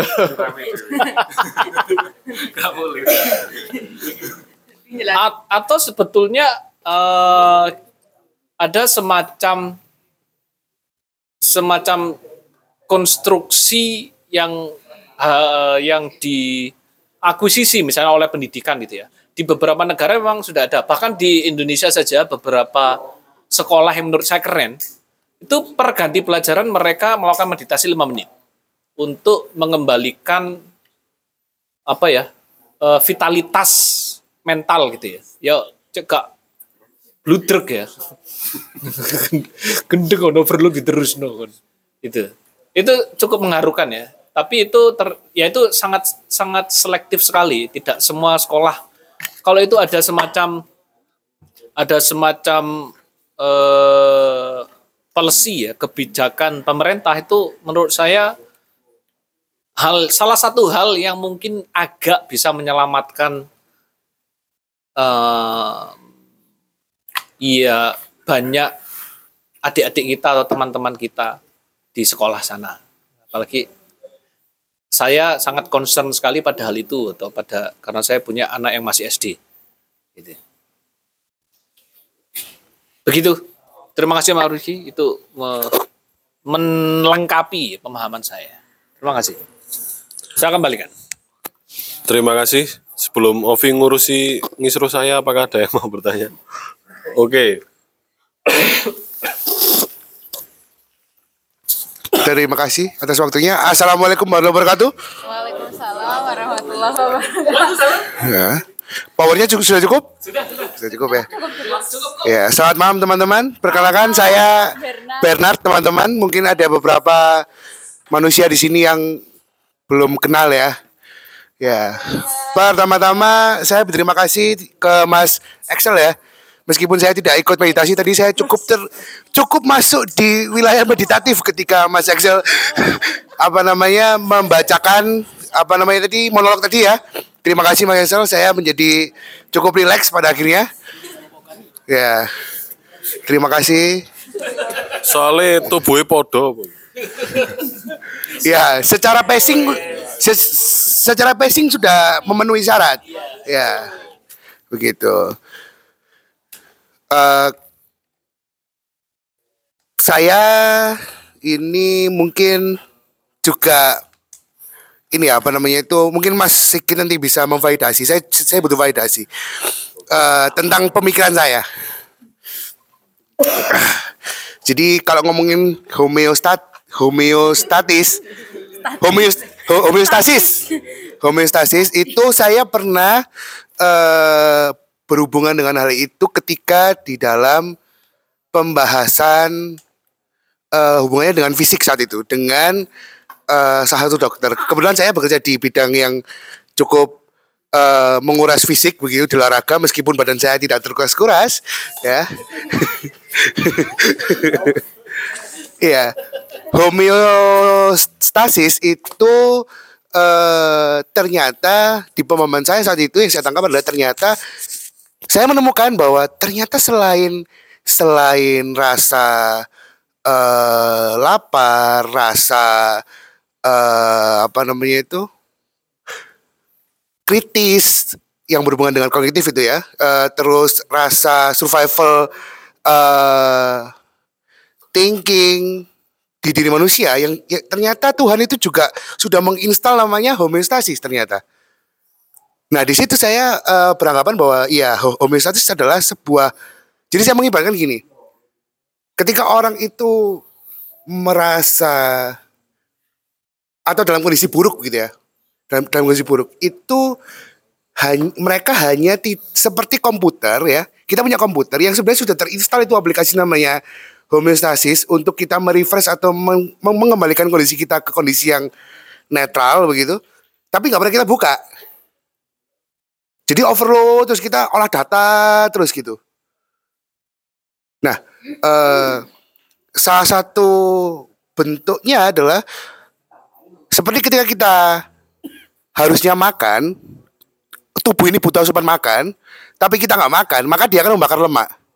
Nah ternyata itu adalah homeostasis di eh, di tema nu- nutrisi begitu ya, atau di tema kedokteran begitu.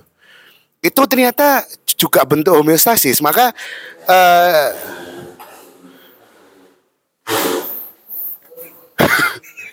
Blayer cur.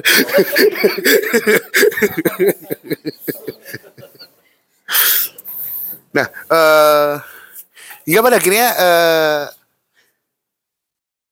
menurut Mas Sigit itu apakah apakah frame saya ini sudah benar begitu? Karena juga saya akhirnya ter- tertarik Mas bagaimana tertarik untuk belajar lebih detail mengenai bagaimana kita dengan anorganik ya.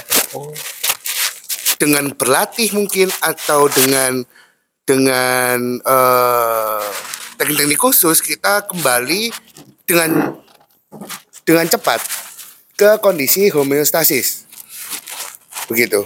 Karena ini kan bu- bukan lagi tentang benar salah atau eh apa namanya nyaman tidak nyaman karena ya baik lagi sebenarnya homeostasis tidak kalau di saya itu malah tidak berkutat dengan itu mereka dia punya eh, pemvaluan sendiri. Yang itu codingnya, codingnya atau ya apa namanya itu penormaannya itu kita secara sadar nggak memahami. Apakah kita menyuruh otot kita membakar lemak ketika kita nggak makan? Nggak juga. Tapi mereka bekerja sendiri. Gitu. Itu sih, Mas. Eh, terus itu itu yang kedua ya. Yang ketiga adalah eh, tadi menyambung sedikit pendidikan tadi ya. Sekolah yang apa namanya itu eh, ada ada unsur med- meditatifnya begitu Mas ya. Itu karena memang belum dibuat undang-undangnya ya. Semoga caleg-caleg bes- besok ini bisa buat undang-undang di tengah-tengah pendidikan ada Kayak itu wayal sih.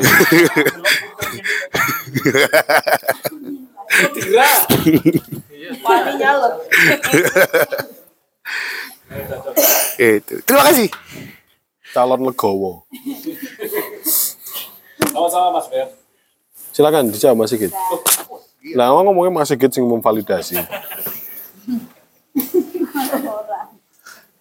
Terima kasih. Ya, eh, homeostasis itu sifatnya yang saya baca ya adalah auto.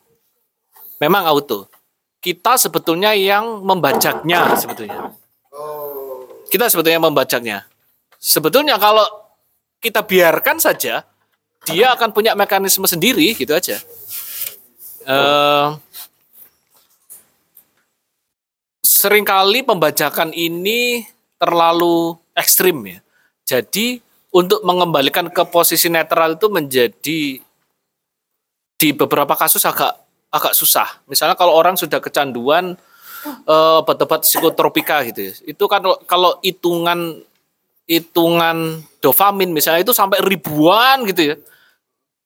Nah, dia yang mengalami tinjuan kegembiraan berupa dopamin itu ribuan untuk mengembalikan ke posisi netral itu membutuhkan penderitaan seberapa banyak nih. Nah, itu yang yang kadang tidak tidak mau ditempuh. Jadi memang misalnya metode kulturgi ya paling alamiah sebetulnya. Dibiarin aja menderita gulung kuming gitu ya. Kesakitan seluruh tubuh sebetulnya itu. eh kesadaran untuk loh aku ini ternyata membajak loh guys gitu ya. Ternyata kemarin itu aku lagi browsing YouTube dua jam itu sudah oke atau main game dua jam sudah seneng. Sekarang tiga jam kok gak seseneng kemarin. Nah itu berarti kita sedang membajak tuh. Nah kita butuh menurut saya kalau tadi kita butuh pemerintah untuk, woi hub, ya, kita mampu ndak untuk menghentikan pembajakan itu. Kita mencari sistem untuk ya wes didekno ae di ae sih. Nah, ya pasti oh, apa gemetar entah apa keringat dingin tergantung ya masing-masing ya. Ya. Ya biarinlah sabun roto awet titik ngono ya. Tapi Apa sih? Dijelasno apa? Sabun maksudnya apa? ya wis lah itu segmented gak apa-apa ngono bapak-bapak kok. Sah. Segmented. Iya. Sing menuju OTW bapak bapak-bapak ini mesti relate ya. Itu ae. Axel ae relate kok. Sel relate akon. nah, menurut menurut saya eh, saya sedang mengembangkan ya eh, belakangan ini ya beberapa bulan ini mengembangkan untuk untuk mengembalikan ke posisi homeostasis itu dalam hitungan per jam. Apa pun yang terjadi. Jadi eh, dalam per jam itu saya setidaknya mengupayakan untuk sih mandek sih. Saya tak berhenti ngapa-ngapain, berhenti untuk tidak tidak menganalisa, berhenti untuk tidak mengkonsumsi informasi mungkin. Ya. Entah itu lima menit, entah itu berapa dua menit, tiga menit, tapi setidaknya itu membuat sistem di mana waktu waktu itu dibutuhkan dia mampu gitu lebih seperti muscle gitu ya karena karena yang dibutuhkan sebetulnya kemampuan kita untuk tidak membajak saja sebetulnya bukan kita iya itu itu aja kemampuan untuk berhenti membajak diri kita sendiri karena semuanya kalau kalau dalam posisi alamiah ini sudah berjalan sendiri-sendiri sudah sudah Betul. mampu akan menstabilkan dengan sendirinya Begitu. Oh no. Misalnya tuh setelah intermittent fasting gitu ya. Ada setelah intermittent fasting ada ada fase di mana lemak yang dibakar, tapi ternyata kita saat itu mengkonsumsi minuman gula. Nah, itu membajak. Dibiarkan aja sebentar gitu ya. Biar dia eh, biar dia melakukan kegiatannya secara alamiah. Itu aja. Baru tuh dia membakar dengan sendirinya misalnya. Jadi tinggal tinggal berhenti aja. Eh? Begitu. Ya berarti mungkin kata lainnya adalah semakin kita mencoba untuk memasukkan unsur kompensasi gitu ya itu itu yang destruktif malahan gitu ya Malah begitu. oke Iya. iya iya iya Sebetulnya tidak perlu untuk menyeimbangkan dengan mengkompensasi. Ya sudah dibiarkan saja. Dibiarkan kembali saja kuncinya sendiri. di situ ya Iya. terima kasih Mas Sigit Sama-sama, Mas Ber. Oke, terima kasih. Ya seingat saya di olahraga itu kan istirahat itu yang menyembuhkan, yang menumbuhkan ya. Waktu istirahat gitu ya. Bukannya waktu kita sedang melakukan kegiatan kan, dia merusak otot misalnya gitu kan. Dia tapi begitu kita beristirahat, nah itu yang waktu di mana itu growth terjadi ya. Iya. nah tapi di di di ranah itu itu jadinya kompensasi mas gitu loh masalahnya Hmm. makanya saya saya bertanya ini eh, kalau dicontohkan itu misalkan ya itu di di tema itu mas di di dunia olahraga itu bentuknya kompensasi soalnya Hmm. begitu nah apakah kompensasi itu bisa diakses dengan pengkompensasian atau dengan pengkondisian tertentu begitu enggak ya memang itu Dibiarkan kan destruktif ya Iya. Ya. Ini kembali beneran, silakan. Oke, terima kasih. Itu kita putar saja ya. Soalnya lek enten-entenan gak ono sing ngomong kok. Eh Dev, ngomong Dev, muter. Ha, ngomong-ngomong ngomong-ngomong gunung. Yang Gunung, nggak ngerti nama-nama gunung. Nah, hmm, ngomong-ngomong gunung, tadi di monolognya Axel itu ada ini. Aku lupa kalimatnya lagi. Tapi pokoknya kata kuncinya itu kebohongan. Nah, menurut teman-teman siapa aja yang mau menjawab pertanyaanku ini? Nggak jadi. Kita lanjut ke tanya. Nah, menjawab kebohongan. Jadi gini, teman-teman. Hmm, menurut teman-teman kebohongan itu apakah disruptif terhadap terhadap apa tuh homeostasis dalam diri kita gitu atau dia itu sebenarnya apa sih posisinya kebohongan itu di dalam homeostasis siapa yang mau jawab tolong aku help Oke, siapa yang mau jawab? ah, kebohongan. Lek dari monolognya Excel tadi, kebohongan itu ketika kita tidak bisa menyeimbangkan persepsi dalam diri. Itu ketika fungsinya karena tadi kayak. Karena itu kan kalau di wayang itu seorang Pandawa yang dibuang ke pihak Kurawa, tapi tetap memihak Pandawa meskipun dia hidup di sana gitu. Kasih sayangnya tetap untuk Pandawa, terus keperbiakannya tetap ke Pandawa kayak gitu. Jadi dia meskipun di misalnya kayak dicemplungkan kepada dunia yang asing gitu tetap memegang prinsip keseimbangannya. Mesti hari ini seru aku. Apa sih? Iya. Ini langsung dituntut untuk menyeimbangkan diri ya. Iya. Nah, menurutku kebohongan itu ketika kita tidak bisa menyeimbangkan persepsi-persepsi di dalam diri kita sehingga kita berpihak pada salah satu persepsi, lalu kecondongan kita ke sana dan tidak melayani kebenaran yang sesungguhnya. Nah, kebenaran yang sesungguhnya itu ada ketika kita menurut saya ya, ketika kita berhasil di dalam kondisi seimbang sehingga kebijaksanaannya ada, cintanya ada, otomatis yang kita sampaikan itu benar-benar tepat. Nah itu susah sekali untuk dilakukan. Maka maka dari itu sebenarnya karena itu di dalam posisi yang sangat susah sekali. Karena menjaga diri untuk tidak memihak terus apa hanya berpihak pada kebenaran. Kalau ada yang bilang itu tidak ada otoritas kebenaran, kebenaran itu sendiri adalah otoritasnya. Jadi itu susah sekali posisi karena itu. Nah, karena penggambaran itu sebenarnya untuk menyeimbangkan diri atau homostasis yang dibahas oleh Mas Sigit ini pencapaiannya di dalam hingar-bingar dunia ini susah sekali. Kalau tidak terlatih atau tidak melatih diri seperti jamus kalimosodo dialamatkan kepada nafas kita. Jadi setiap nafas kita menyadari hembusan dan tarikannya terus di dalam sana kita iling lan waspodo itu susah sekali untuk apa mencapai di dalam kondisi seimbang. Karena pergerakan hingar-bingar dunia ini menuntun kita untuk cenderung ke salah satunya, menderita atau bahagia sekali gitu. Nah, ketika bahagia sekali, penderitaan ditinggal, nanti suatu saat penderitaan itu me- memperlihatkan taringnya dengan menakutkan gitu ya. Tiba-tiba hilang semuanya terus kita kacau balau gitu. Nah, itu menurut saya kebohongan itu hadir ketika dalam kita dalam tidak eh di dalam kondisi tidak netral, di dalam keseimbangan yang tidak pas. Otomatis kita tidak bisa nih. Nah, kita itu pada dasarnya ketika di posisi itu merasa tidak bohong gitu. Tapi pada dasarnya di ketika kita mencapai titik netral itu, kita akan menyadari oh yang saya dulu itu ternyata tidak melayani diri saya yang sebenarnya yang di titik netral ini.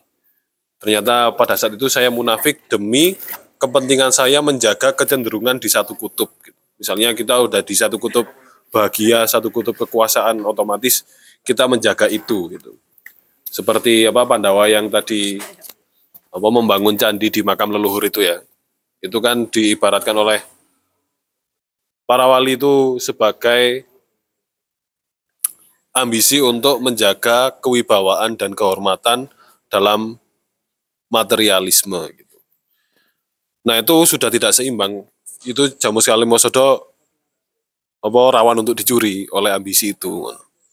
Nah ketika sudah dicuri, otomatis ambisi itu menjadikan jamu sekali mosodo sebagai senjata kepentingannya, bukan pengikat 10 unsur tadi itu. Nah itu menurut saya kebohongan ada di mana ya? Ada di situ dan kebohongan itu bukan kita mengkhianati kebenaran, tapi di mana kita munafik tahu kebenarannya gimana, tapi tidak melayaninya, memilih kecenderungan yang lain demi menjaga kutub tertentu yang tidak seimbang itu tadi. Kalau mengkhianati, yo, apa bedanya apa dengan apa Mengkhianati kebenaran. dan Dan yang kamu bilang. apa aku lali harus ngomong lo homeostasis langsung hilang. gitu deh. Oke. Oke. Terus? Oke begitu. Apa sih nggak takut ono loh asakno Axel wis ngomong suwe di sebelah. Apa sih lah? Aku kan nanya perihal yang dibacain Axel. Nah, hmm, hmm, gak ngono maksudnya. Tapi itu lah pembukaan nah, ding ding ding ding. Nah, oke. Kalau di kalau pendapat terkait pengalaman hari ini, menurutku tuh seru karena nyambung dari eh, promnya masih masih Sigit itu dalam membahas apa namanya tadi gunung itu ya. nah, waktu diajak jalan-jalan menjadi gunung itu menurutku seru banget. Soalnya kemarin-kemarin itu dan tadi itu kayak hmm, lagi menemukan fakta bahwa di Malang itu kita itu dipenuhi dengan kenikmatan banget karena gunung itu esok ketok tekan sanggon-gon ngono. Jadi dan gunung yang dilihat itu gunung yang sama, nggak tahu itu gunung apa ya. Nah, hmm, nah dari gunung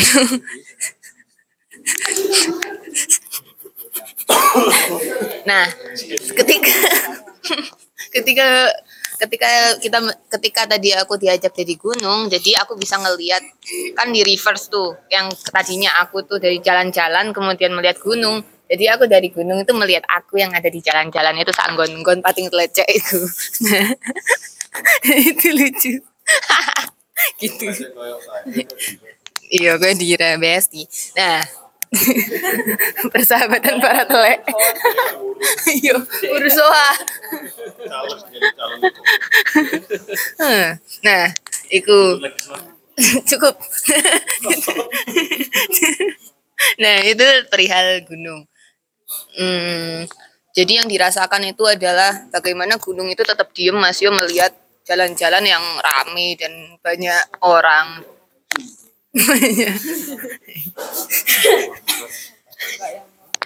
Wes ah. nah, lalu ketika lanjut ke pembacaan monolog oleh Axel si aktor handal, aktor andalan Malang. Nah, ini tuh membuat itu tuh nyambung aja menurutku karena eh bener sih tadi kata Mas Rifki dia itu intensitasnya Axel itu terjaga selama 10 lembar yang panjang sekali ini gitu. Jadi aku bisa seperti didongengin sebelum tidur dengan hikmat. Nah, hmm, terus di ceritanya tadi tuh yang momen berkesannya itu adalah ketika dia diceritain sama da- sama si dalangnya itu ketika jalan-jalan ya. Nah itu kan sama ketika aku diceritain Excel ini ya. Jadi kayak udah asal gitu terus kayak, sama dengan yang dialami aku di dalam naskah monolog ini gitu. Nah itu tuh ini sih mungkin key pointsnya adalah hmm, tadi yang disebut Mas Sigit dengan istirahat. gitu. Jadi ketika oke lah eh, lebih mengedepankan pada pengalaman mendengarkan Axel bercerita alih-alih eh, apa sih substansi atau kayak opus yang pengen tak tanyakan di dalam monolog ini? Gitu. Begitu. Walau pada akhirnya aku nanya juga tapi yang lebih berkesan hari ini itu adalah pengalaman-pengalaman yang nyambung antara promnya Mas Sigit dengan monolog Axel itu. Jadi itu pendapat aku. Terima kasih semuanya. Sama-sama Dewi Next dulu. Siapa nama? Ren? Kenalkan. Ngomong oleh aku tuh. Padahal saya kata ngomong, Dawin di sini. Halo, sebelumnya sebelumnya perkenalkan nama aslinya Rizky.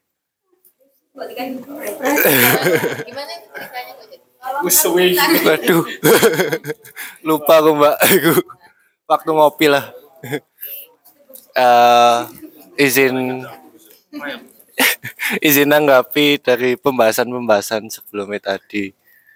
Eh, waktu di meditia mediasi ya, ya meditasi. Apa ini? Sopo sih sekarang? Pakai masalah lagi. Yang mana mediasi, tapi aku ngerti karena meditasi. Iya Pak. Med- Oh iya tak Pak? Oh. Tene iki lho tak simpen iki. waktu meditasi tadi eh, kan diceritain apa sedang di gunung gitu. Tapi saya ngerasain cuman dingin aja tadi. Sama tenang aja sih. Nggak eh, ngerasa gimana gimana terus eh, waktu denger Mas Axel tadi waktu bermonolog eh saya eh, ngerasain di mana kondisinya eh, Masjid Megah tadi, di mana banyak penghakiman-penghakiman namun tidak eh, terrealisasikan dengan baik. Maksudnya eh, apa ya? Aku ngomong apa ya? Eh, tapi saya juga sadar apa eh, apakah penghakiman tadi itu eh apakah saya yang salah atau emang keduanya nggak ada salah dan benar. Begitu. Terus untuk me eh, homo homo homo homo tesis.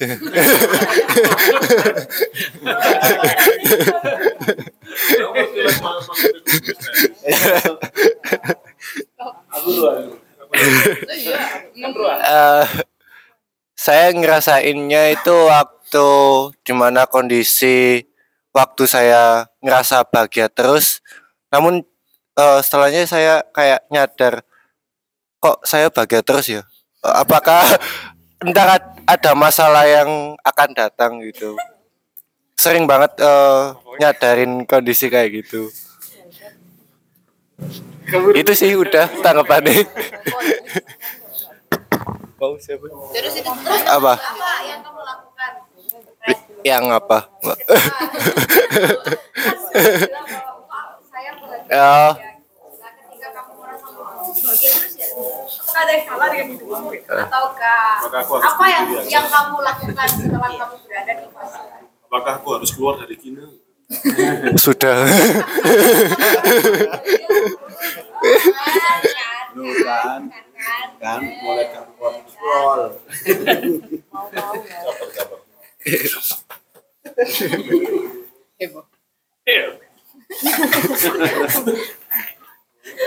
Ayo, nggak usah mengalihkan pembicaraan.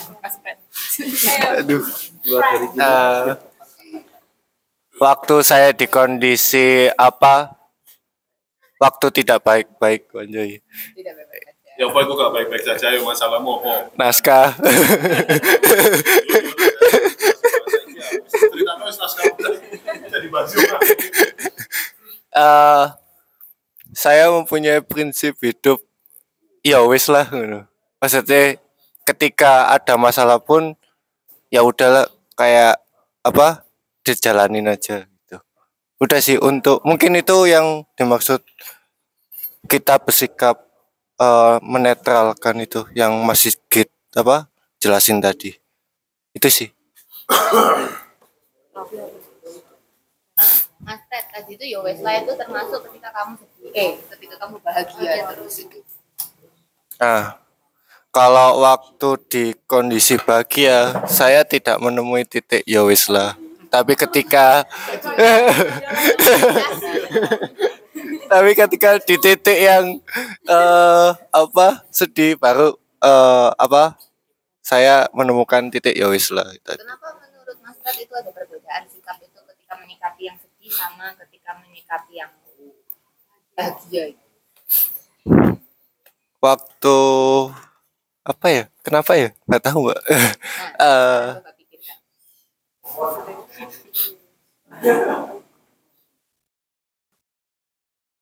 Gak nemu mbak. Eh iki mungkin apa? Eh mungkin kenapa saya nggak menemui titik ya wis lah tadi itu karena di saat bahagia saya kayak eh men- menjalaninya eh kayak terlarut gitu mungkin. Mungkin itu di titik ya wis yang lain ya.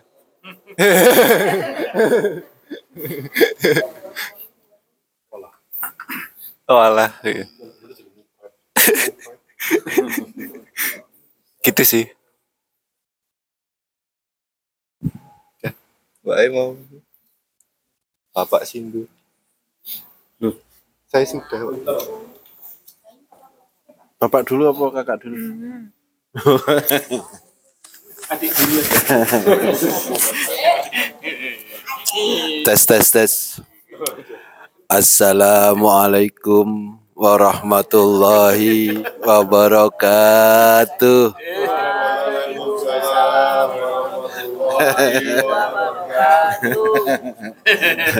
Namaste. Oke. Eh, apa? Loh, kok bilang hari ini terus sebelum-sebelumnya kan begitu. Iya nggak? Oke, baik. Eh karena tadi sesi meditasinya saya kak untuk yang ini saya nggak ikut, saya datang belakangan. Terus tadi yang disampaikan Mas Sigit termasuk ini ya, kenapa kok begitu mengapresiasi, begitu melihat Axel membaca begitu panjang kita kok bisa menikmati. Tapi kalau pembacaan saya tadi ketika terkait dengan apa yang Mas Sigit juga ceritakan bahwa ada di salah satu salah satu lembaga pendidikan untuk memulai belajar itu harus ada konsentrasi. Pembacaan saya tadi eh, karena memang ada pengaruh besar dari situasi sebelumnya. Karena saya sendiri yang tidak mengikuti situasi sebelumnya, saya butuh bahan untuk memahami apa yang dibacakan bacakan Axel. Artinya gini, saya bu- butuh bahan dulu memang. Ketika saya bisa memahami, oh karena saya punya punya punya ada diskursus itu sebelumnya. Nah, ketika ini maka saya bandingkan pada diri saya. Seandainya saya tidak punya bahan apa-apa, maka saya pun akan sulit masuk ke situ. Nah, ketika saya melihat semuanya kok tadi kok bisa menikmati, pembacaan saya justru karena pengaruh dari situasi sebelumnya. Ya mungkin karena ada situasi, ada sesi meditasi dulu tadi, itu itu terasa sekali tadi ya. Di di waktu peristiwa ketika Axel membaca semuanya dia menikmati. Ternyata di situ apa pembacaan saya pengaruhnya situasi sebelumnya yang sangat yang sangat berpengaruh. Itu yang pertama. Terus yang kedua terkait dengan homeostasis. Homo, homo. Eh, kesimpulannya kalau saya satu kata yo iya. Oke, ini homeostasis homeostasis itu kalau kalau kita apa membaca secara meditasi, meditatif itu sebenarnya di titik homeostasis itu. Eh termasuk yang pernah saya juga sampaikan di grup tentang katarsis. Eh ketika kita situasi itu, situasi homeostasis itu kan situ- situasi itu. Kalau dengan bahasa yang lain tuh makom. Dan di meditasi sebenarnya titik meditatif ya di titik itu. Nah pada saat kita berusaha meditasi itu namanya intensionalitas. Itu masih perangkat menuju ke sana. Kan biasanya kalau di meditasi kan ada undirected, directed ya. Nah yang kita lakukan sebenarnya titik meditatif itu tidak lama memang. Seperti yang Mas Sigit katakan, ada sejenak memang tidak lama ada titik ketika kita melakukan sesuatu dengan apa pun caranya, begitu kita sampai pada homeostasis, di situlah titik meditatif itu. Nah, yang lain itu adalah perangkat. Maka ketika Mas Mas Bernard tadi bertanya, itu metodenya memang ada tempaan-tempaan yang terkait dengan keseimbangan tadi ya. Nah, selama ini karena kita sejak lahir itu selalu ditempa dengan aturan-aturan. Kalau saya membahasakannya etis normatif ya baik itu berangkat dari religi ataupun yang lain. Nah, kita sejak lahir ditempa dengan dengan itu.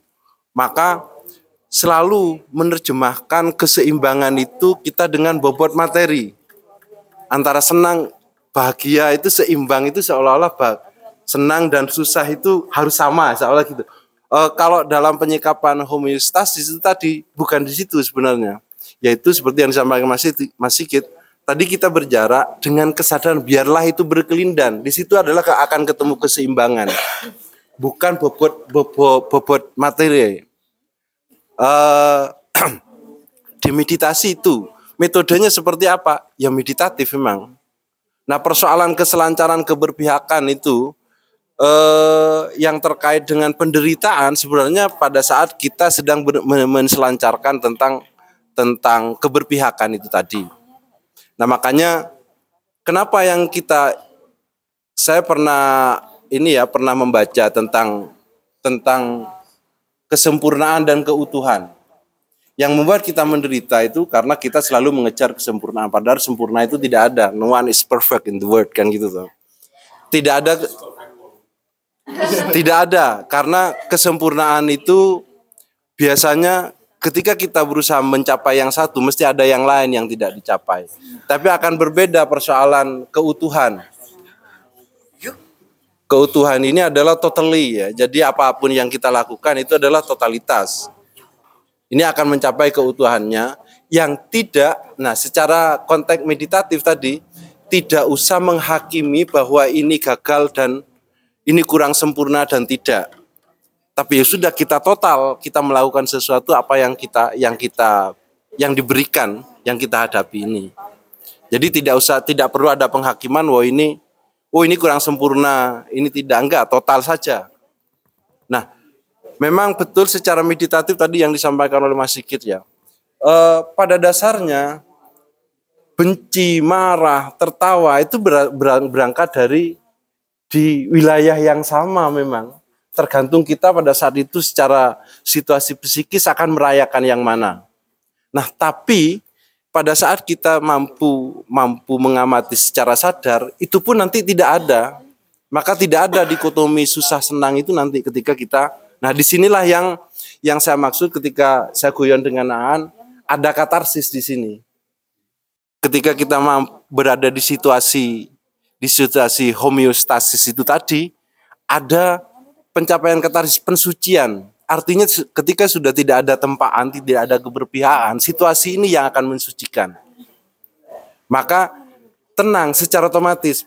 Begitu juga tenang di sini tidak usah kita terjemahkan eh, spi, hiruk pikuk, tertawa, enggak, bu- bukan di situ. Tenang itu ya ya capaian di situasi itu sendiri. Nah, persoalan nanti kita sedang berada di situasi yang apa? Situasi fisik yang bagaimana itu bukan bukan itu penilaiannya.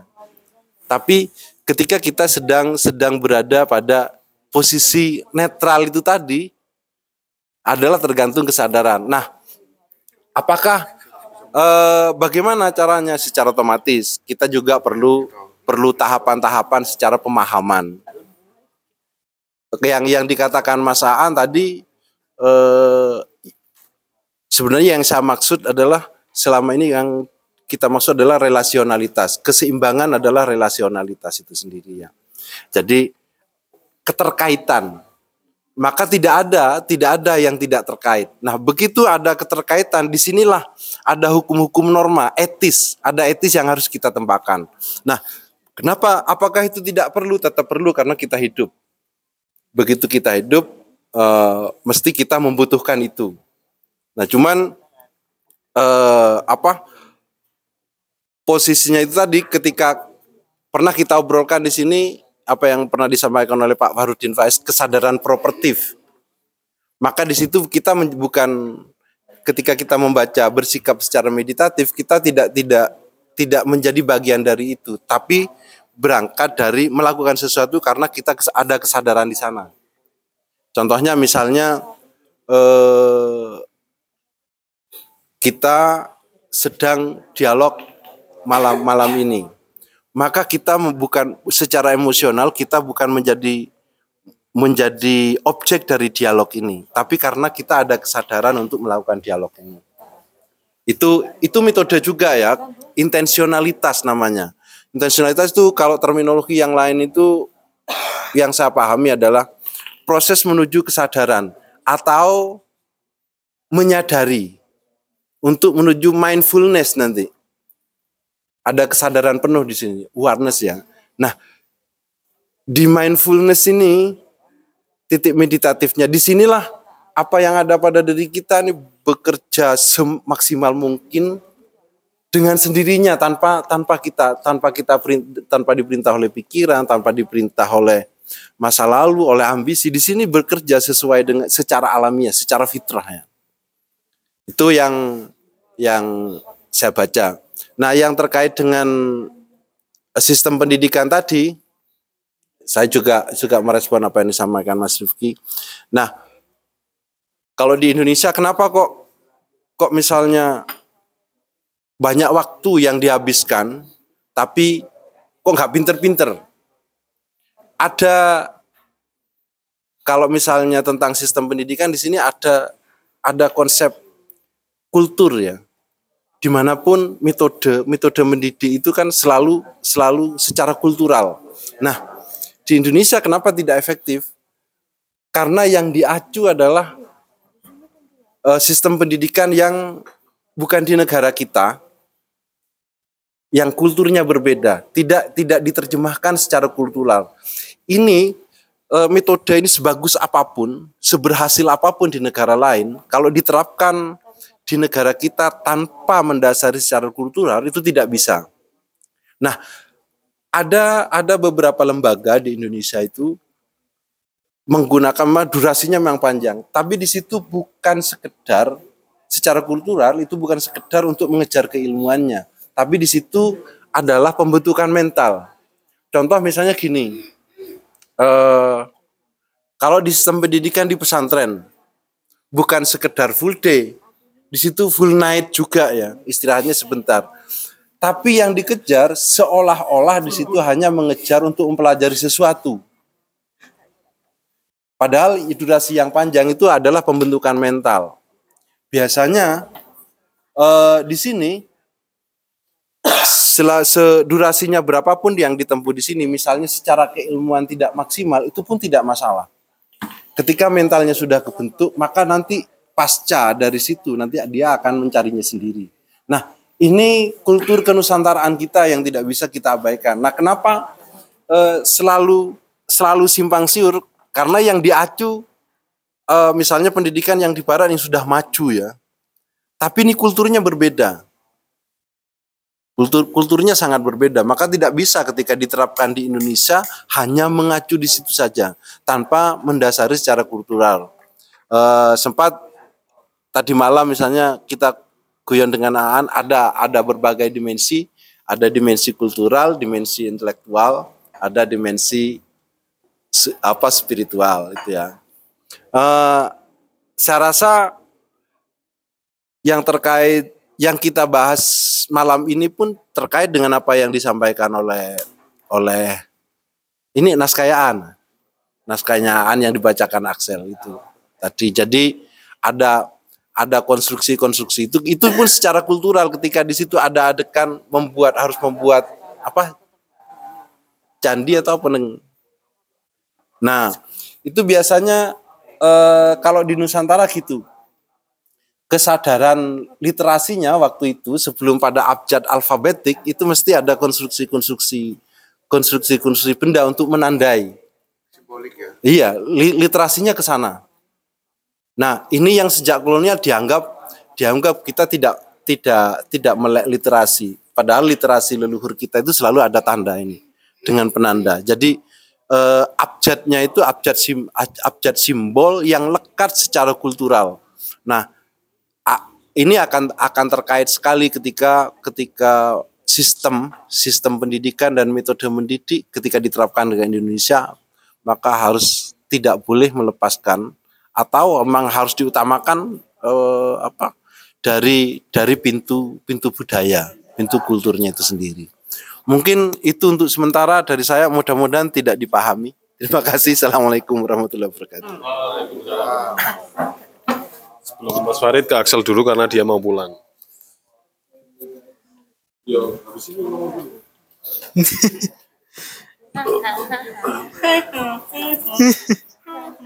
Ya. Ah. Ah. Gak ono, Mas. Ya. Perkenalkan nama saya Axel.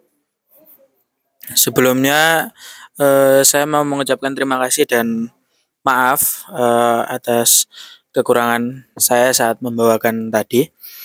Eh, mungkin yang saya eh, bisa rasakan yang pertama pada saat saya meditasi eh, saat membayangkan menjadi gunung. Jadi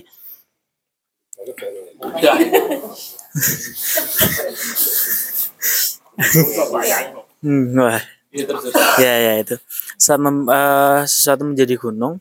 eh tadi Om Sigit juga berkata kalau apa panggilannya Om? Hah? Apa terus? Kak. Mbah. Ya itu Yanggong deh. Yanggong sedikit. Tadi berkata eh, kayak, woi berkata. Aduh. Mulai. Wih, semulai. Eh, Kasar. Eh, kita harus menja- eh, membayangkan jadi gunung tapi tidak pernah gentar eh, akan apa pun hal yang ada di sekitarnya kan? Jadi kayak eh, menurut saya itu kalau pemikiran saya pribadi adalah eh, menjadi apa ya? Eh, bisa menyesuaikan dan menetapkan diri sendiri atau diri masing-masing. Eh, walaupun ada apa pun eh, penghalang ataupun cobaan dari berbagai hal yang kita hadapi. Contohnya seperti gunung-gunung tersebut tahu kalau dia itu kuat tahu kalau umpamanya dia itu besar tapi tidak harus mengatakan dia kuat ataupun dia besar tidak harus. Ya iya. Ya kan tidak perlu validasi dari siapa pun. Kalau dia itu kuat dia itu besar dia itu ya seperti itulah apa pun itu. Untuk apa ya tahu bahwa dia sosok yang besar dan megah kayak gitu lalu eh, berlanjut kepada eh, naskah dari homeostasis religi ini. Yang saya rasakan setelah membaca itu adalah pusing. Jujur. Saya pusing karena apa? Eh saya banyak informasi yang saya dapatkan dari membaca itu. Membaca pertama pun di sebelum ngobrol-ngobrol ini dimulai pusing dulu bener ya masih kita nanti 10 halaman. Oh iya. Mas.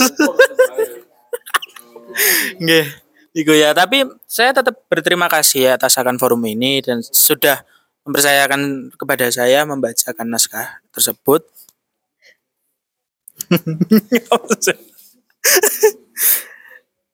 ya, saya juga berkaca pada diri sendiri juga eh, atas eh, eh, topik homeostasis, homeostasis. Saya juga baru sadar ternyata hal-hal yang saya lakukan setiap hari itu adalah kayak apa ya? Eh, saya sebenarnya jahat kepada diri saya sendiri, terutama kayak di saat katanya eh Yanggong sedikit, kalau eh, se- seumpama bosan atau apa pun kita harus biarkan. Tapi jadinya saya kayak eh, menghilangkan hal tersebut dengan seperti main game sampai apa pun itu akhirnya saya berpikir apa itu sempat terpikir oh, oh iya ya dadana aku eh, parah lah jahat sampai awak aku dewi kayak ya mungkin itu yang bisa saya sampaikan dan berdasarkan atas pengalaman saya sendiri. Sekali lagi terima kasih dan maaf atas kekurangan saat saya berada di sini Yes. Yang ini ki lesson di go fisik yang ini ki ya Allah. Assalamualaikum. Ya iya saya. Kalau mau pamit itu harus bikin pantun. Yo, berat-berat. Pantun. Panas-panas kum kum assalamualaikum. Oke, ini berlanjut ke mana? Oke, terima kasih semuanya. Saya pulang dulu ya. Lagi. Malah mikir bareng kan gua. Mari-mari. Tuh, jangan kadang mikir ya. Pantun ini Tadi kamu sudah gelem guys. Pas kajatan mangan bubur sumsum. Assalamualaikum. Ngotot. Ngotot. Waalaikumsalam. Oke, terima kasih Axel atas pembacaannya dan kehadirannya. Kamu habis ini tak masukkan grup ini ya.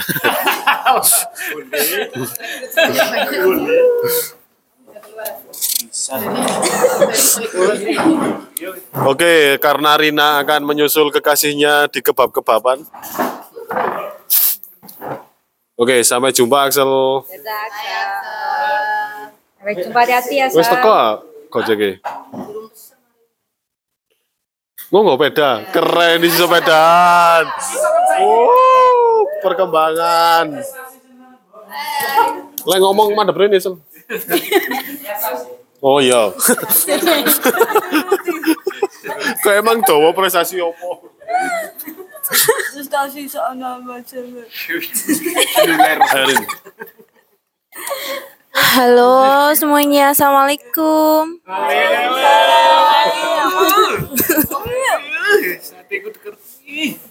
Sebenarnya saya itu bingung mau ngomong apa. Soalnya si meditasi dulu. Ya. Sing masalah. Sudah bingung apa saya ingin meditasi nih? Si meditasi di sing ma, teh sing ngomong masalah meditasi mau ya. Eh tadi gua aku merasakan bahwa diriku benar-benar kayak tegak kayak gunung dan kayak aku kayak benar-benar harus melindungi bahwa oh kamu apa namanya? Kamu tuh sebagai gunung yang tinggi kamu harus menjaga ini untuk tetap tenang untuk tetap rileks kayak gitu. Terus eh juga aku kayak kadang tergoyahkan dengan suara-suara kalau meditasi nggak tahu setiap meditasi itu aku selalu kadang fokus ke suaranya Mas Sigit ya. Terus kadang tiba-tiba ada satu suara yang bikin langsung apa? Ini ku tuh pecah apa? suara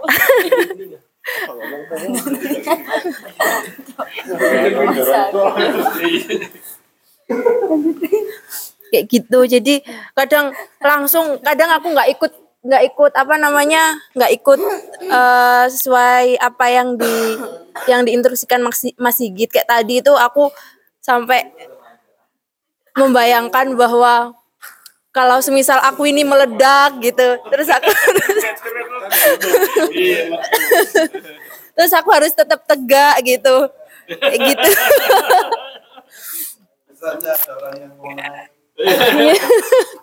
bagaimana supaya aku menahan biar nggak meledak dulu gitu. Mendaki dirimu. gitu. Terus untuk yang tadi apa monolog yang dibacakan Mas Axel tadi itu di awal-awal saya sedikit bukan sedikit eh, lumayan paham. Cuman pas waktu menjelajah tadi itu saya sudah merasa ngantuk dan benar-benar bangun tidur bangun tidur berusaha untuk tetap mendengarkan gitu untuk tetap memahami. Karena banyak materi yang ya Allah ini ini ada kurawa ada semuanya dimasukkan jadi otak saya nggak nyampe gitu kan ya. Jadi mohon maaf Mas Aan. Terus tadi yang saya pernah membaca buku juga bukunya yang berani untuk tidak disukai. Eh, kan tadi home ho ho homeo homeostatis tasis homeostasis. Itu kan membica, mem- membahas tentang bagaimana tubuh kita eh, mereaksi sebagaimana semestinya gitu kan ya. Lah di buku berani untuk tidak disukai itu juga dijelaskan bahwa sebenarnya seseorang itu kalau semisal biasanya temperaturnya temperaturnya itu kalem tidak pernah marah gitu. Terus tiba-tiba dia apa namanya marah itu hanya efek efek dari luarnya saja efek dari gimana ya nyeritainnya bingung. Efek dari luarnya saja. Efek dari luarnya saja pokoknya itu ada cerita kayak gini. Jadi seorang anak itu kan apa namanya dia mendapat nilai nilai nilai jelek lah. Terus ibunya itu marah-marah ke anaknya. Marah-marah ke anaknya terus karena pas tapi emosi itu mereda ketika ada orang yang menelpon. Menelpon ibunya. Jadi eh, ketika ibunya marah-marah terus ada orang menelpon itu langsung nggak nggak marah lagi tapi setelah teleponnya tapi setelah teleponnya ditaruh itu ibunya marah-marah lagi.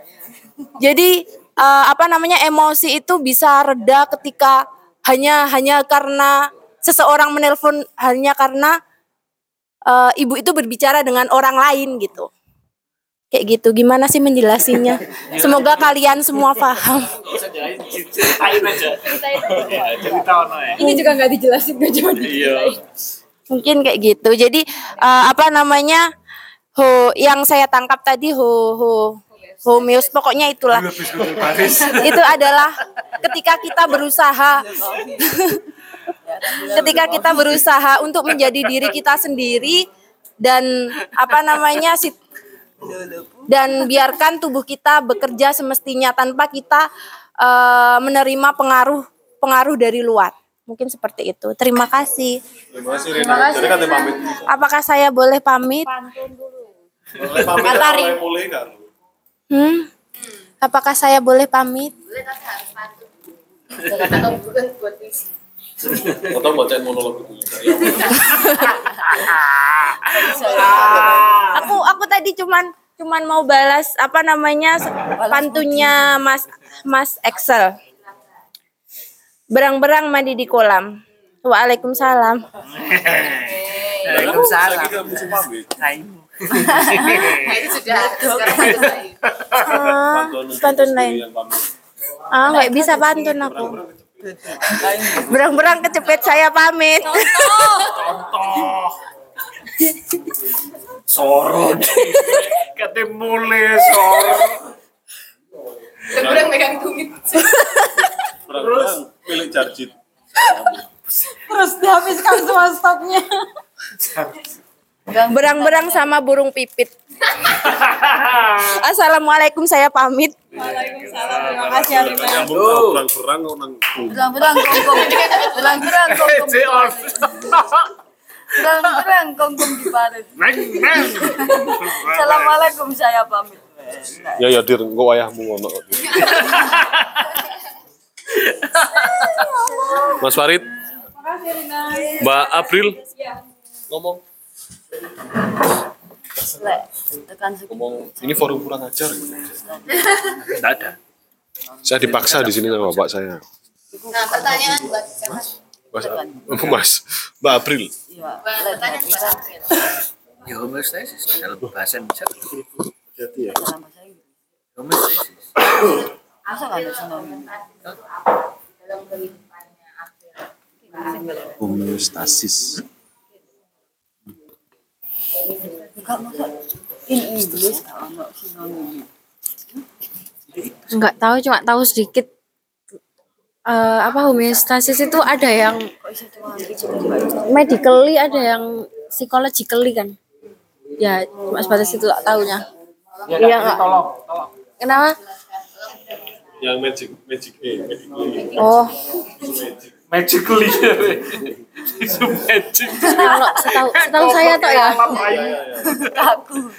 Kalau setahu saya yang medical itu eh, tubuh yang berusaha menyeimbangkan sesuatu gitu kayak misal eh, kita nggak makan seharian dua hari gitu terus kan tubuh menyesuaikan kayak oh berarti harus ada lemak yang diolah gitu menyesuaikan ke saya udah gitu aja nggak tahu lagi ya yang psikologi kali nggak ngerti tadi tuh denger dengar sedikit tok ya itu sama aja Nah, menurut April, bagaimana homeostasis yang medically dengan yang itu berkaitan?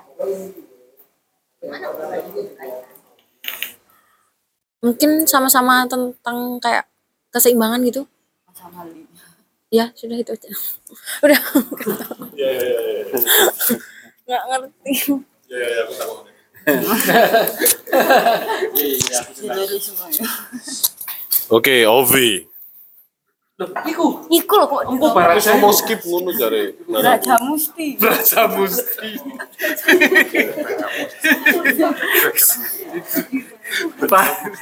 Aku bahasa Ayo Ovi. Keren.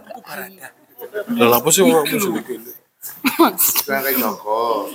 Turut itu. halo Devi. Ayo Vi. halo semuanya. Assalamualaikum. Supaya te- agak terstruktur ya. Jadi aku mau membahas soal meditasi dulu lah. Eh, karena tadi ada instruksi untuk bagaimana membayangkan sebagai sebuah gunung ya sebetulnya membayangkan diri menjadi benda-benda tertentu itu ada saat di mana aku sering sekali melakukan itu gitu. Seperti misalkan membayangkan diriku sebagai nyamuk. Kamu membayangkan dirimu sebagai tai enggak? Enggak bayangin kalau itu emang Terus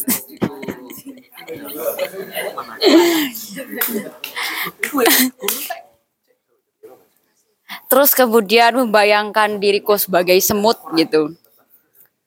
Membayangkan diri sebagai rumput. Aku pernah membayangkan diri menjadi beberapa benda tertentu gitu. Menjadi makhluk lain atau benda-benda tertentu gitu di mana misalkan ketika aku menjadi nyamuk yang sangat tidak disukai oleh banyak makhluk gitu kayak manusia gitu kan yang nggak dikasih.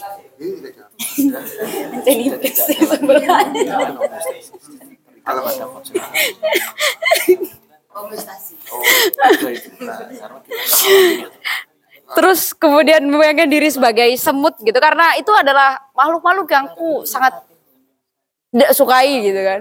Kayak dia menggigit, sangat mengganggu sekali. Kemudian contoh membayangkan diriku sebagai Aan gitu kan. Itu adalah sesuatu yang sangat aku benci gitu. Tapi ya udahlah gitu, tak bayangkan saja. Terus kemudian lambat laun ketika aku membayangkan.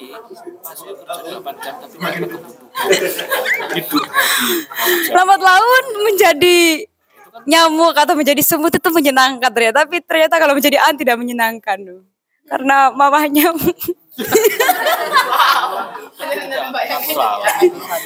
karena keluarganya menjengkelkan ya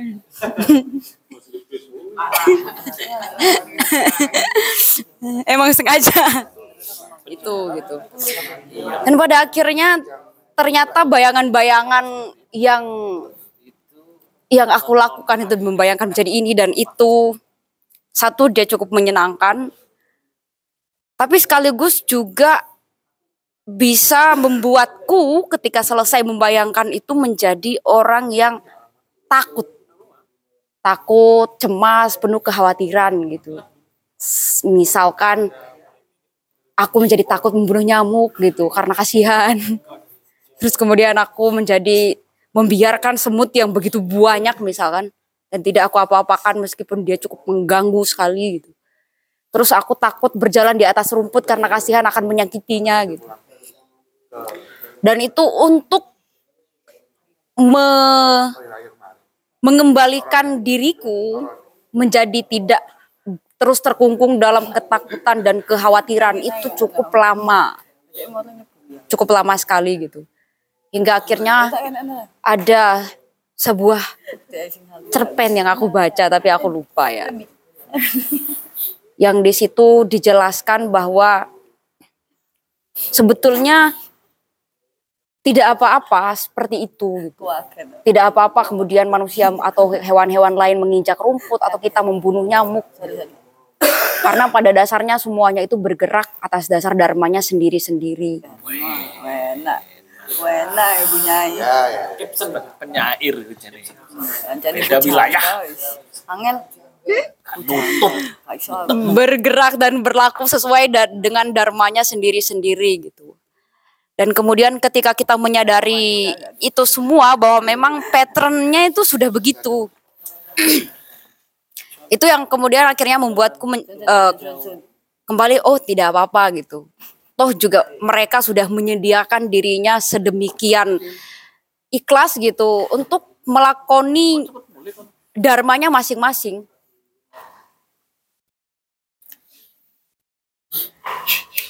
Wes jam pukul. Ngomong dulu baru boleh pulang. Apa saja? Duduk dulu, duduk dulu. Ono arek kate. Aku ora lapo. Kamu apa lah? Sopo sih? Sopo sih ngurusi kon belepotan? Tak tambahi mana malah tak celontengi. Iya. Kita iso. Kita iso. Dan ternyata selama ini tuh terdapat ketidak kesalahpahaman gitu. Ketika aku memahami bahwa aku nggak boleh nih membunuh nyamuk atau membunuh semut karena tindakan membunuh itu adalah tindakan yang keji gitu. Aku berangkat atas dasar dasar itu sehingga itu menjadi memerangkapkan.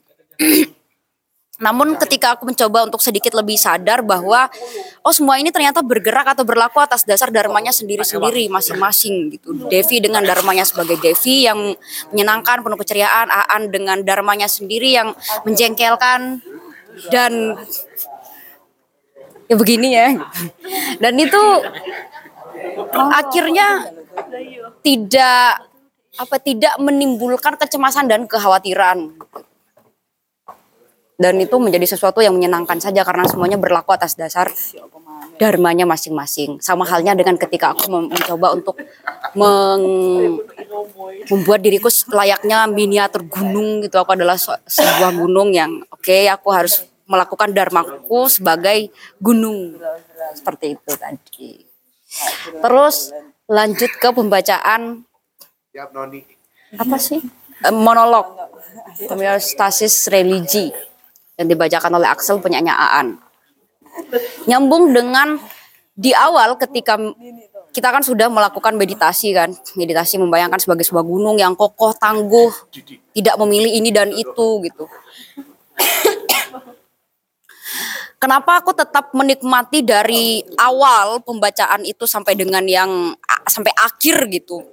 Meskipun sebetulnya itu eh, apa ya banyak dan sangat padat gitu bahkan banyak sekali istilah-istilah cerita-cerita yang sama sekali itu asing di telingaku. Namun aku bisa mencoba untuk menikmati itu karena karena berangkat atas dasar meditasi tadi ya. Ya ya kayak misalkan aku diajak untuk oke aku mau merdeka nih sebagai diriku gitu di mana meskipun di naskah itu banyak sekali yang yang dibahas yang dihidangkan yang dihadirkan tapi aku sebagai diriku aku memilih mana yang yang mestinya aku butuhkan gitu. Mana yang mestinya bisa aku cerna gitu tanpa ngotot dan aku harus paham nih aku harus harus terus uh, intens untuk me- memaknai atau mengartikan setiap cerita atau peristiwa yang ada di dalam naskah itu. Jadi aku memilih dan menentukan mana yang paling cocok, yang paling relate dan yang itu nggak membuatku menyiksa diriku sendiri. Itu. Yaitu soal bany- banyak sekali yang menarik ya. Tapi yang paling menarik itu adalah ketika di bagian-bagian di awal dengan bagian terakhir sebetulnya dan juga di tengah ketika itu adalah sebuah perjalanan ketika dia mencari berjalan gitu kan untuk menemukan eh, sebuah pengertian kali ya pemahaman. Ya sebetulnya kebingunganku ini selama ini apa sih? Pada akhirnya yang ada kebingunganmu adalah itu. Dan ketika semuanya kayak kebingungan, keputusan-keputusan kita untuk ngotot mencari jawaban atas semuanya itu muaranya hanya satu, ya udah. Dan ya udahnya itu oke gitu. Oke. Karena semua yang yang yang ada, semua yang terjadi adalah bagian dari diriku dan sekarang aku tidak apa-apa. Bahkan untuk saat ini mati pun tidak apa-apa di dalam naskah itu. Jadi barangkali itu ya ketika kita sudah bersungguh-sungguh dengan dharma kita gitu kan sesuai dengan apa yang kita mampu gitu semampu kita berusaha berupaya dan kalaupun tidak tidak terjadi sebagaimana itu gitu kita dengan tegas dengan lantang dengan kekokohan mengatakan bahwa I'm okay gitu dan untuk sekarang ya sudah seperti itu dan Iya, itu menyenangkan. Sangat menyenangkan dan aku berterima kasih sekali terhadap circle ini, terhadap semuanya gitu. Dan ternyata tadi aku mau sedikit ini kelar ini bercerita aja ya. Tadi ada omong-omongan singkat dengan Aan gitu. Di tengah-tengah pembacaan itu Yo, aku Dev, sedang ngomong Dev, arek Ya Dev. apa sih? Dev, Dev. Fuck. Kamu sih. Ah, nanti katanya nanti kalau misalkan tembangnya sudah selesai eh tembang. Nanti kalau misalkan pembacaan monolognya sudah selesai kamu mau nembang nggak? So aku bilang aku belum aku masih tidak kuat gitu. Aku masih tidak kuat gitu. Oke oke oke katanya. Terus tiba-tiba ya nembang gitu. Hah? kataku jadi kami sama-sama tidak paham ya. Jadi itu saja ceritanya. Yang terakhir adalah terima kasih semuanya. Terima kasih untuk semua yang hadir pada malam ini. Terima kasih terima kasih terima kasih Terima Hai. Hai. Aduh. Hai. Awas ngomong banyak. Bercanda. Awas kelepotan. Baru dioleh-oleh ikut diawas. Eh, Assalamualaikum warahmatullahi wabarakatuh. Waalaikumsalam. Alhamdulillah. Sebenarnya sebenarnya tadi pengen baca puisi. Power, power, power. Tadi niatnya. Nah, kemudian Kemudian nggak jadi. kenapa tidak jadi? Karena mau pulang. Nah, Enggak sih, enggak. Bercanda, bercanda, bercanda. Bercanda. Enggak sih, bercanda. Bercanda, bercanda. Nah, aku mau ini dulu. Oh, iya. Mau ngisi mikrofon karena sudah di mau di mau ngisi mikrofon karena sudah di ini ditodong ya. Eh eh pertama teman-teman karena saya tidak punya eh, pertanyaan dan tanggapan mungkin ini curhat curhat saja ya. Curhat saya saja gitu loh. Untuk yang pertama pas meditasi tadi eh, terima kasih yang per- ya, sebelumnya untuk Mas Sigit. Sudah eh, menjadi menjadi apa ya? Guide ya? Menjadi guide dalam alam bawah sadar saya. Sudah diceritakan tentang gunung. Akhirnya saya ter eh ter apa ya? Ter apa ya Dev? Terus terbawa. Ah, terbawa. Terbawa. Terbawa. terbawa pada masa kecil lah. Tentang layang-layang tentang buah dawet tentang mainan-mainan masa kecil. Udah itu aja sih sebenarnya saya tidak eh dibilang relax enggak sih malah wah kayak perang gitu di, di kepala gitu saya membayangkan uh enak banget jadi masa kecil gitu loh itu terima kasih ya Mas Sigit Sama. Eh, terus untuk pembacaan monolog, saya sebenarnya salah salah tanggap Hmm. sama tema ini. ini kan hemios, he- homios, homeostasis religi gitu loh. Saya saya nggak sempat searching atau eh, apa ya baca-baca lah eh, sinopsisnya apa gitu loh. Ini temanya mau menceritakan tentang apa. Jadi yang saya tangkap malah tentang eh percakapan dengan jiwa kita sendiri gitu loh. Wih, jauh banget ya.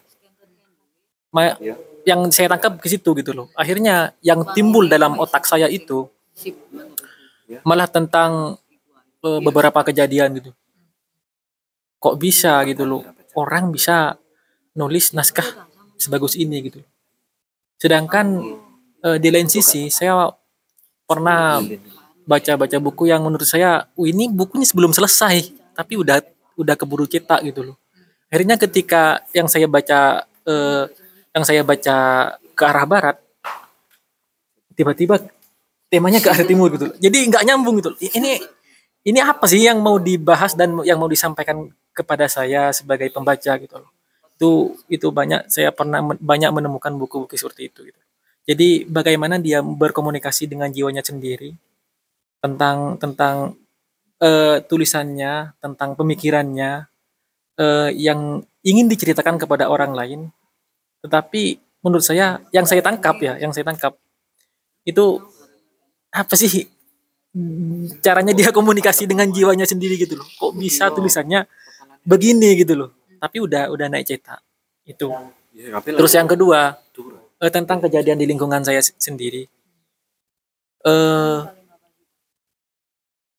eh, di di daerah saya itu ada kejadian orang itu kayak kena gangguan gangguan gangguan ke- kejiwaan gitu. Kayak kena gangguan kejiwaan, tapi dia sadar. Jadi ketika sadar tak tanyakan, sorry, panggilan Rek. Sorry, sorry panggilan. Gak apa-apa, silakan aja.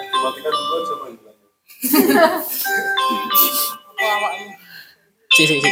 Shit. Ah, Dan itu benar. Alarm. alarm bos. Waktunya kerja. Tak lanjut, tak lanjut ya.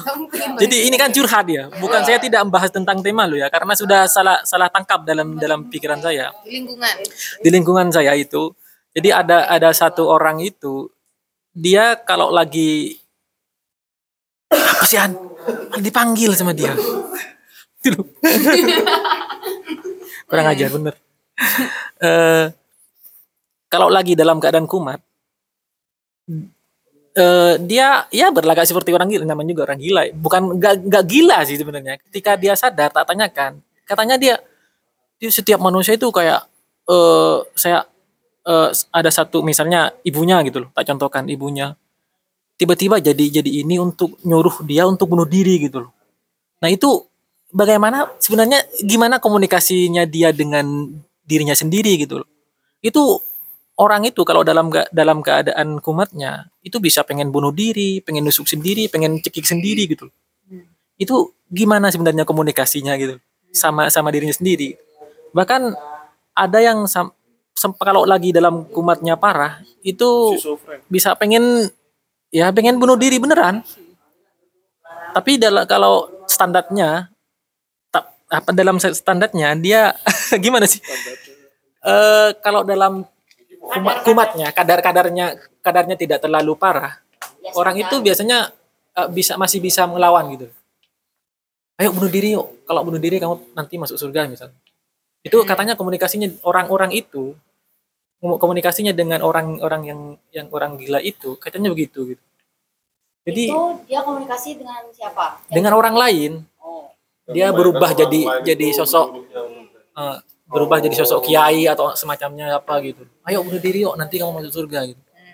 Gitu. Nah itu.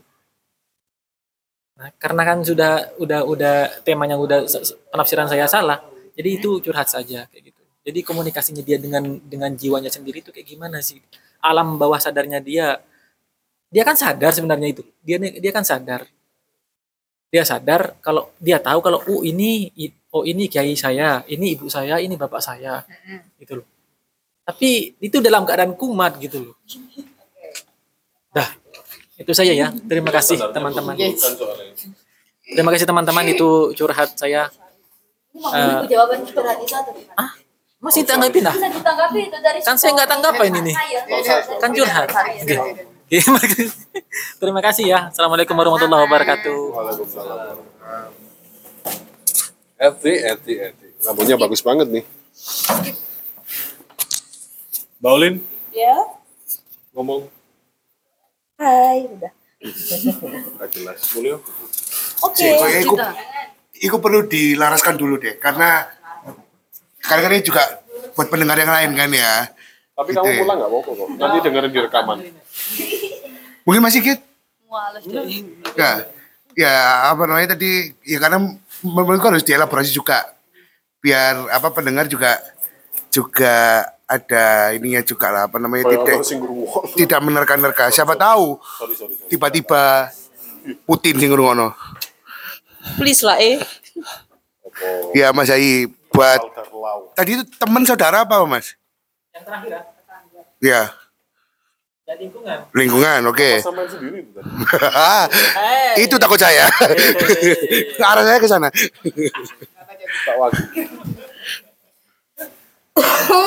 Mas eh, s- pertama itu kalau sepengetahuan saya ya, itu sudah masuk ada eh, tema klinis yang di yang ada di diri orang tersebut. Kita sebut saja si A lah ya.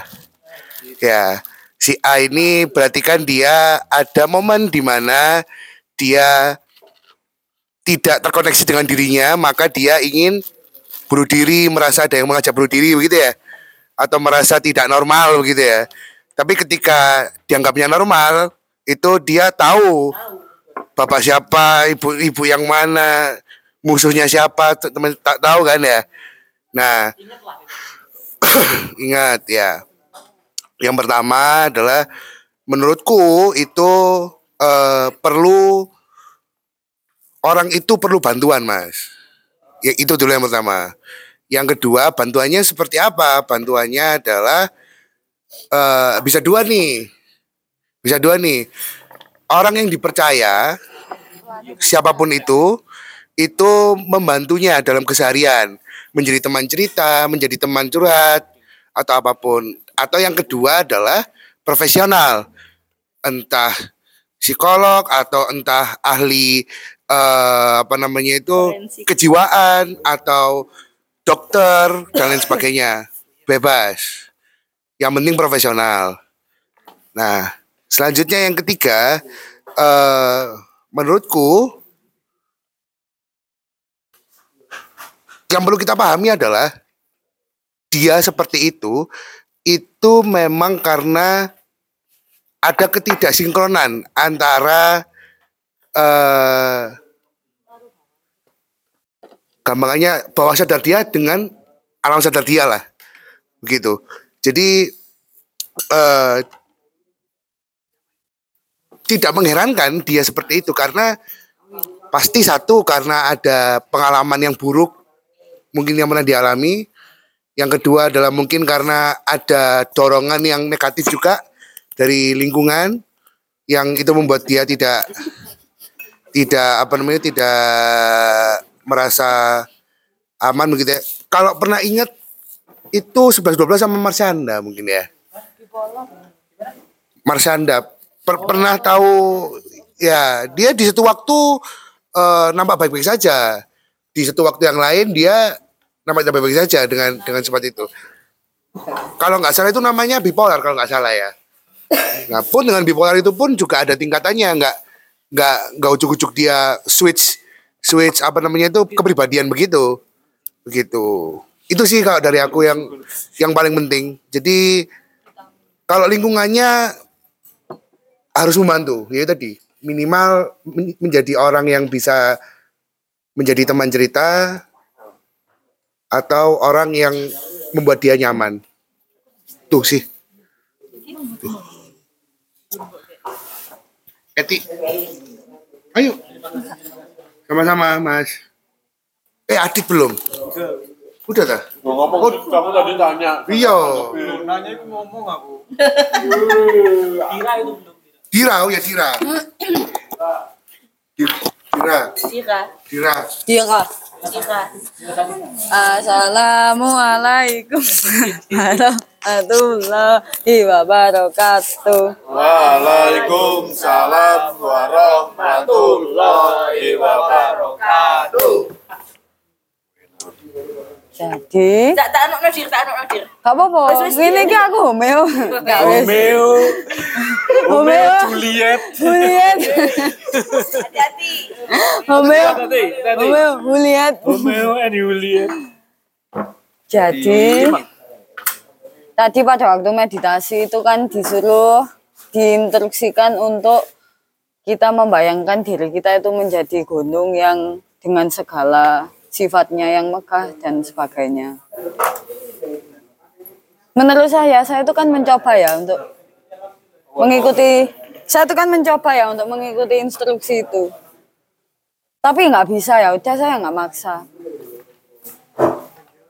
gitu ya udah gitu aja tapi saya paling tidak bisa sedikit menyentuh bagian gunung itu jadi ya saya adalah bagian dari gunung itu sendiri. Karena saya ini makhluk hidup saya manusia saya makhluk hidup sama seperti gunung itu juga makhluk hidup ya ciptaan Tuhan.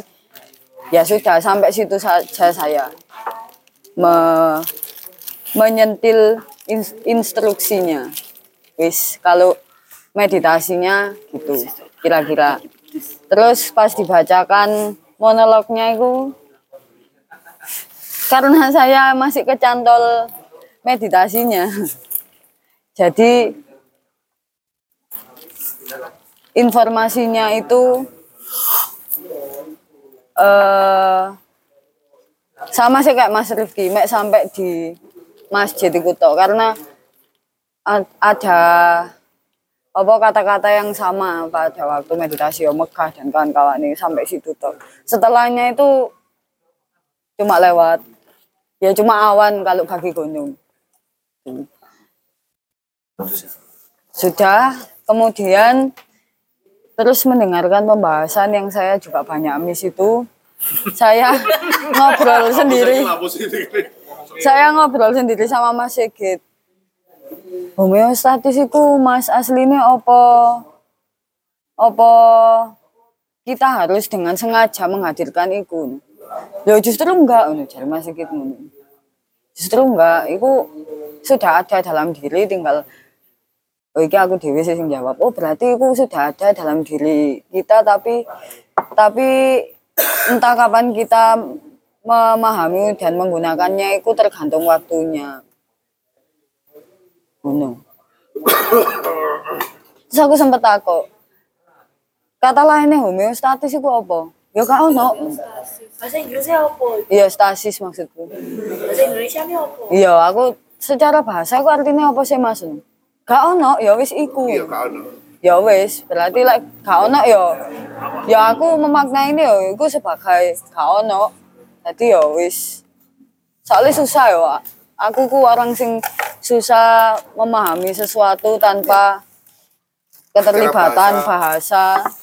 Iku rada angel. Dadi ya wis timbangannya aku kesulitan ya wis gak ono ae. Ya cukup sampai di info bahwa iku ku ada di dalam diri semua makhluk hidup mungkin butuh manusia toh. Dan responnya iku apa outputnya iku iso keluar iso iso orang di sekitarnya iku membaca itu itu di waktu-waktu tertentu di waktu-waktu memang dia iku harus seperti itu. Ngono. Terus apa mana? Aku teh ngomong apa ya mang? Terus soal homeostatis iku karakternya adalah tenang anu anu iku podo ambek eh awan iku dhewe bagi gunung. Jadi ya wis mek liwat. Maksudnya ya tidak mempengaruhi informasi itu tidak mempengaruhi apa pun apa pun. dari dirimu. Mm tadi ya wis. Oh ya wong ngono. Ya wis. Lek aku ya iku mau. Ya ancene karena secara bahasa iku gak ono sinonime. Ya gak ono ae. Mungkin saking gak ono ya. Tadi iku ku sangat dekat dengan kita ngono lho. Sehingga sulit untuk dijelaskan. Bener iku Lambemu lamis. lah ya kok iso ngomong kok ngene Hah? Kak sih, lambeku ku gak pedes. Namun. Namun, Namun. lincip. Biasanya Iki lho. lagi lincip. Uh. Uh. Wes kira-kira cukup sih. Engkau lek tiba-tiba aku duwe aha, aku ada ide ngono. Baru tak sampaikan. Hah? Mak? Dewi, suaramu rekaman Dewi. Engko tak lebokno di Lauful Mahfud. Iya iya iya iya. Sangar ngono awakmu iso rono-rono barang. kering toh kering toh Oke, terima kasih Dira. Terakhir Bu Ella. Gak gelem. Masa sak keluarga lho sing gelem. Monggo.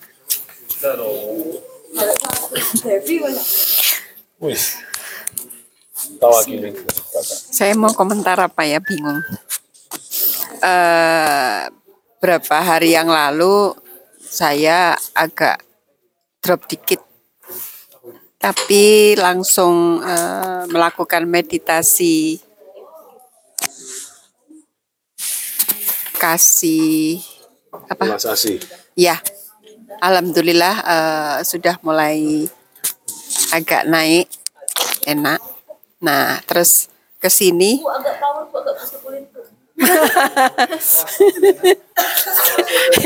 karena karena botnya udah turun.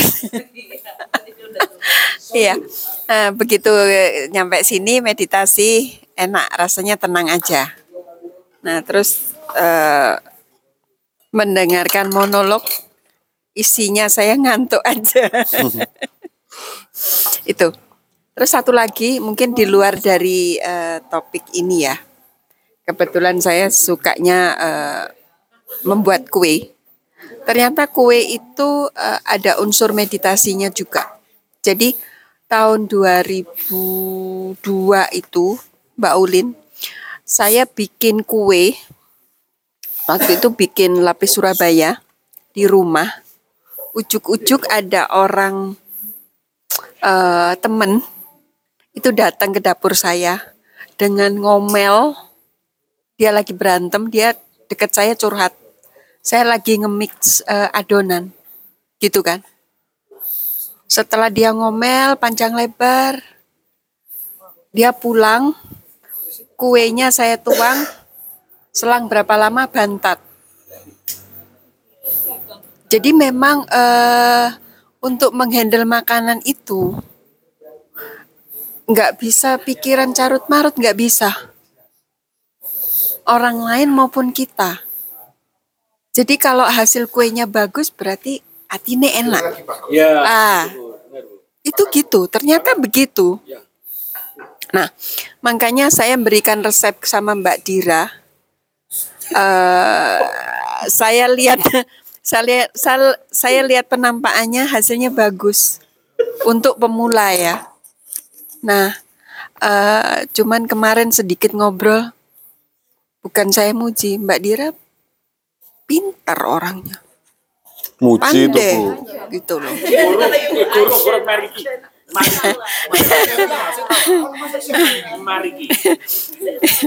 karena karena gini Mbak Dira, saya dulu waktu masa kecil dan remaja, towok gepuk, wah didik-didik gepuk, pulang telat, pulang gepuk, gitu kan. Tapi, tapi saya menyikapinya, menyikapinya, biasanya kan dablek bandel. Enggak. Gimana caranya ya bapakku enggak gitu gitu loh. Itu malah saya buat motivasi. Misal, misal, saya ingat jadi SMP gitu. Kita setiap di rumah itu dikasih tugas ngerjakan ngerjakan tugas. Ngepel waktu itu. Bapak saya itu riwa-riwi. Pak kok riwa-riwi aja gitu. Kan ember sama ngepel. Embernya saya ditendang. Das. Airnya belambang kan. Jadi ngepel lagi. Jadi sampai marahnya kayak gitu. Terus bangun tidur pagi-pagi subuh juga pakai tendangan kaki. Das. Gitu. Disiram. Oh keras banget. Ternyata bapak saya frustrasi, kecewa dan lain sebagainya.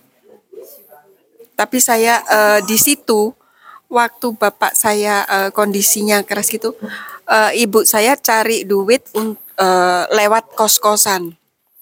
Anak kos cowok 10 gitu. Kalau kalau saya dengan kondisi rumah kayak gitu, saya bisa lari ke anak-anak kos kan, cowok kebetulan. Tapi alhamdulillah kok dituntun yang baik ya, dilindungi gitu loh. Ya, jadi kalau Mbak Dira cerita, "Oh, kayak aku dulu ya, kondisinya ya, gitu loh. Nah itu, tapi eh, saya salut Mbak Dira hebat. itu.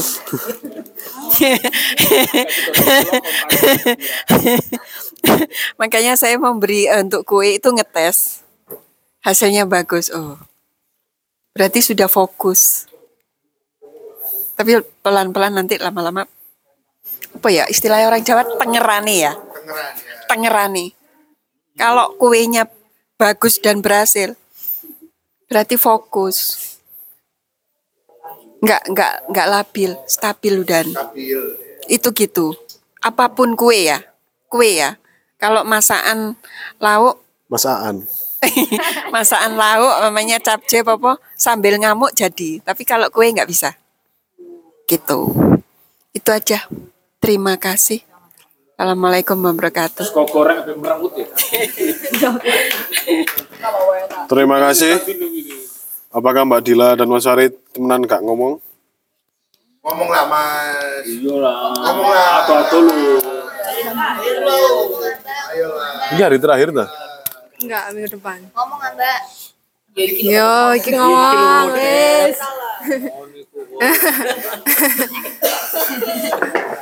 Selamat malam, ini menambahi di sela-sela sisa waktu yang ada. Eh, tadi apa ya? Oh, membayangkan menjadi gunung. Oh, karena beberapa eh, minggu terakhir ini saya merasa diri saya hmm, kurang memiliki apa ya? Lagi eh, sering menyalahkan diri sendiri gitu. Kok kurang gini, kurang gini gitu. Terus tadi waktu membayangkan menjadi gunung itu kayak oh ternyata saya masih gagah ya dan bisa memberikan kehidupan pada tanaman dan hewan yang ada di gunung itu gitu. Gak apa-apa, terserah saya mau jadi apa pun, saya tetap seperti ini. Saya nggak peduli sama judgmental di luar sana. Terus hubungannya sama homeostasis tadi, homeostasis ya. Homo kelandunganensis. Homo kedirinensis. Iya. Ya. self blaming itu sih yang ngebuat saya harus menetralkan diri saya sendiri. gitu. Balik balik lagi ke netral, tidak positif dan tidak negatif. Dan mengurangi kemelekatan. Gitu. Terus nanggepi yang ditulis Aan tadi monolognya. Keren sekali ya. Saya beberapa kali dengar cerita ini dari kakek nenek saya tapi tidak sedalam ini maknanya. Apa karena dulu saya masih kecil atau atau memang ceritanya yang kurang bermakna atau tapi saya jadi tertarik nyari tahu lebih tentang cerita ini. Oke, itu aja sih. Makasih ya. Farid mau komen nggak? Terima kasih semua. Terima kasih Gila. Mas Farid gak ngomong. Oh, kok tumben? Biasanya mewakili Mbak Cila. Sopo sing tolol? Saya aja golei lho. Iso isone lah. Katanya katanya Eti ternyata Mas Farid mirip Bu Ella ya. Jadi anak hari ini. Iya iya. Ringo. Serius nih? Aku malas banget kumpul sama tukang-tukang di sini. Sumpah, walk cuy. Oke, terima kasih. Karena tadi banyak yang nggak paham tentang naskahnya, saya jelaskan ya. Eh, jelasin. Aneh. Waduh. Oke.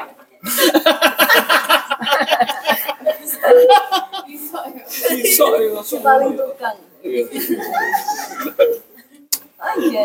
Oke, terima kasih semuanya sudah hadir. Menghadirkan dirinya untuk ngisruh, untuk mendengarkan, untuk diam. Ya itulah. Terima kasih semuanya ya. Untuk Pret mungkin kalau mau saya masukkan grup sini. Pokoknya sing melok lepono April juga. Mas Indo dimasukkan juga. April lepo grup minggu kok. Nah yuk, Ding. Lepo-lepo no grup. Oke. Admin lo iki. Iki saingan admin lo. Perebutan anggota. Bayu.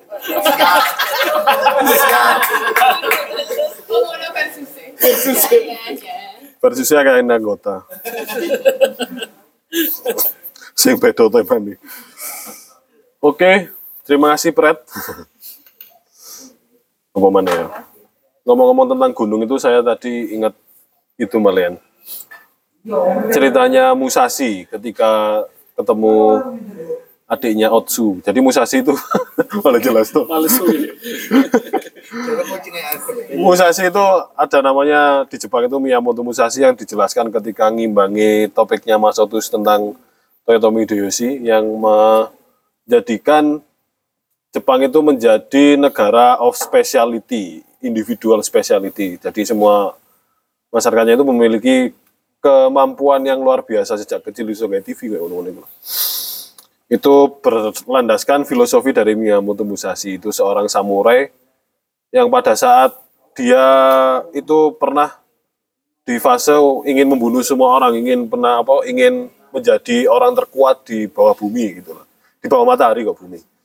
Di bawah matahari terus suatu saat itu ketemu anak kecil terus anak kecilnya itu juga ingin seperti itu. Ketika Musashi sudah mulai filosofis ya. Terus dia melihat Gunung Fuji ngono. Kamu ngapain ingin menjadi seseorang yang paling kuat di bumi? Lihatlah Gunung Fuji itu dia dia tidak melakukan apa-apa, dia cukup menjadi dirinya sendiri, tapi semua orang menganggapnya dia sesuatu yang gagah tanpa perlu melakukan apa-apa. Itu menutup tema meditasi tadi saya keingatan apa cerita itulah ketika ya tanpa ngapa-ngapain ternyata kita cukup menerima diri kita sendiri dan potensi-potensi yang ada di dalamnya kita itu sudah keren gitu tanpa perlu berlari di roda hamster pengakuan dan pencapaian. Begitu, terima kasih. Haleluya. Mas Kuis, Assalamualaikum.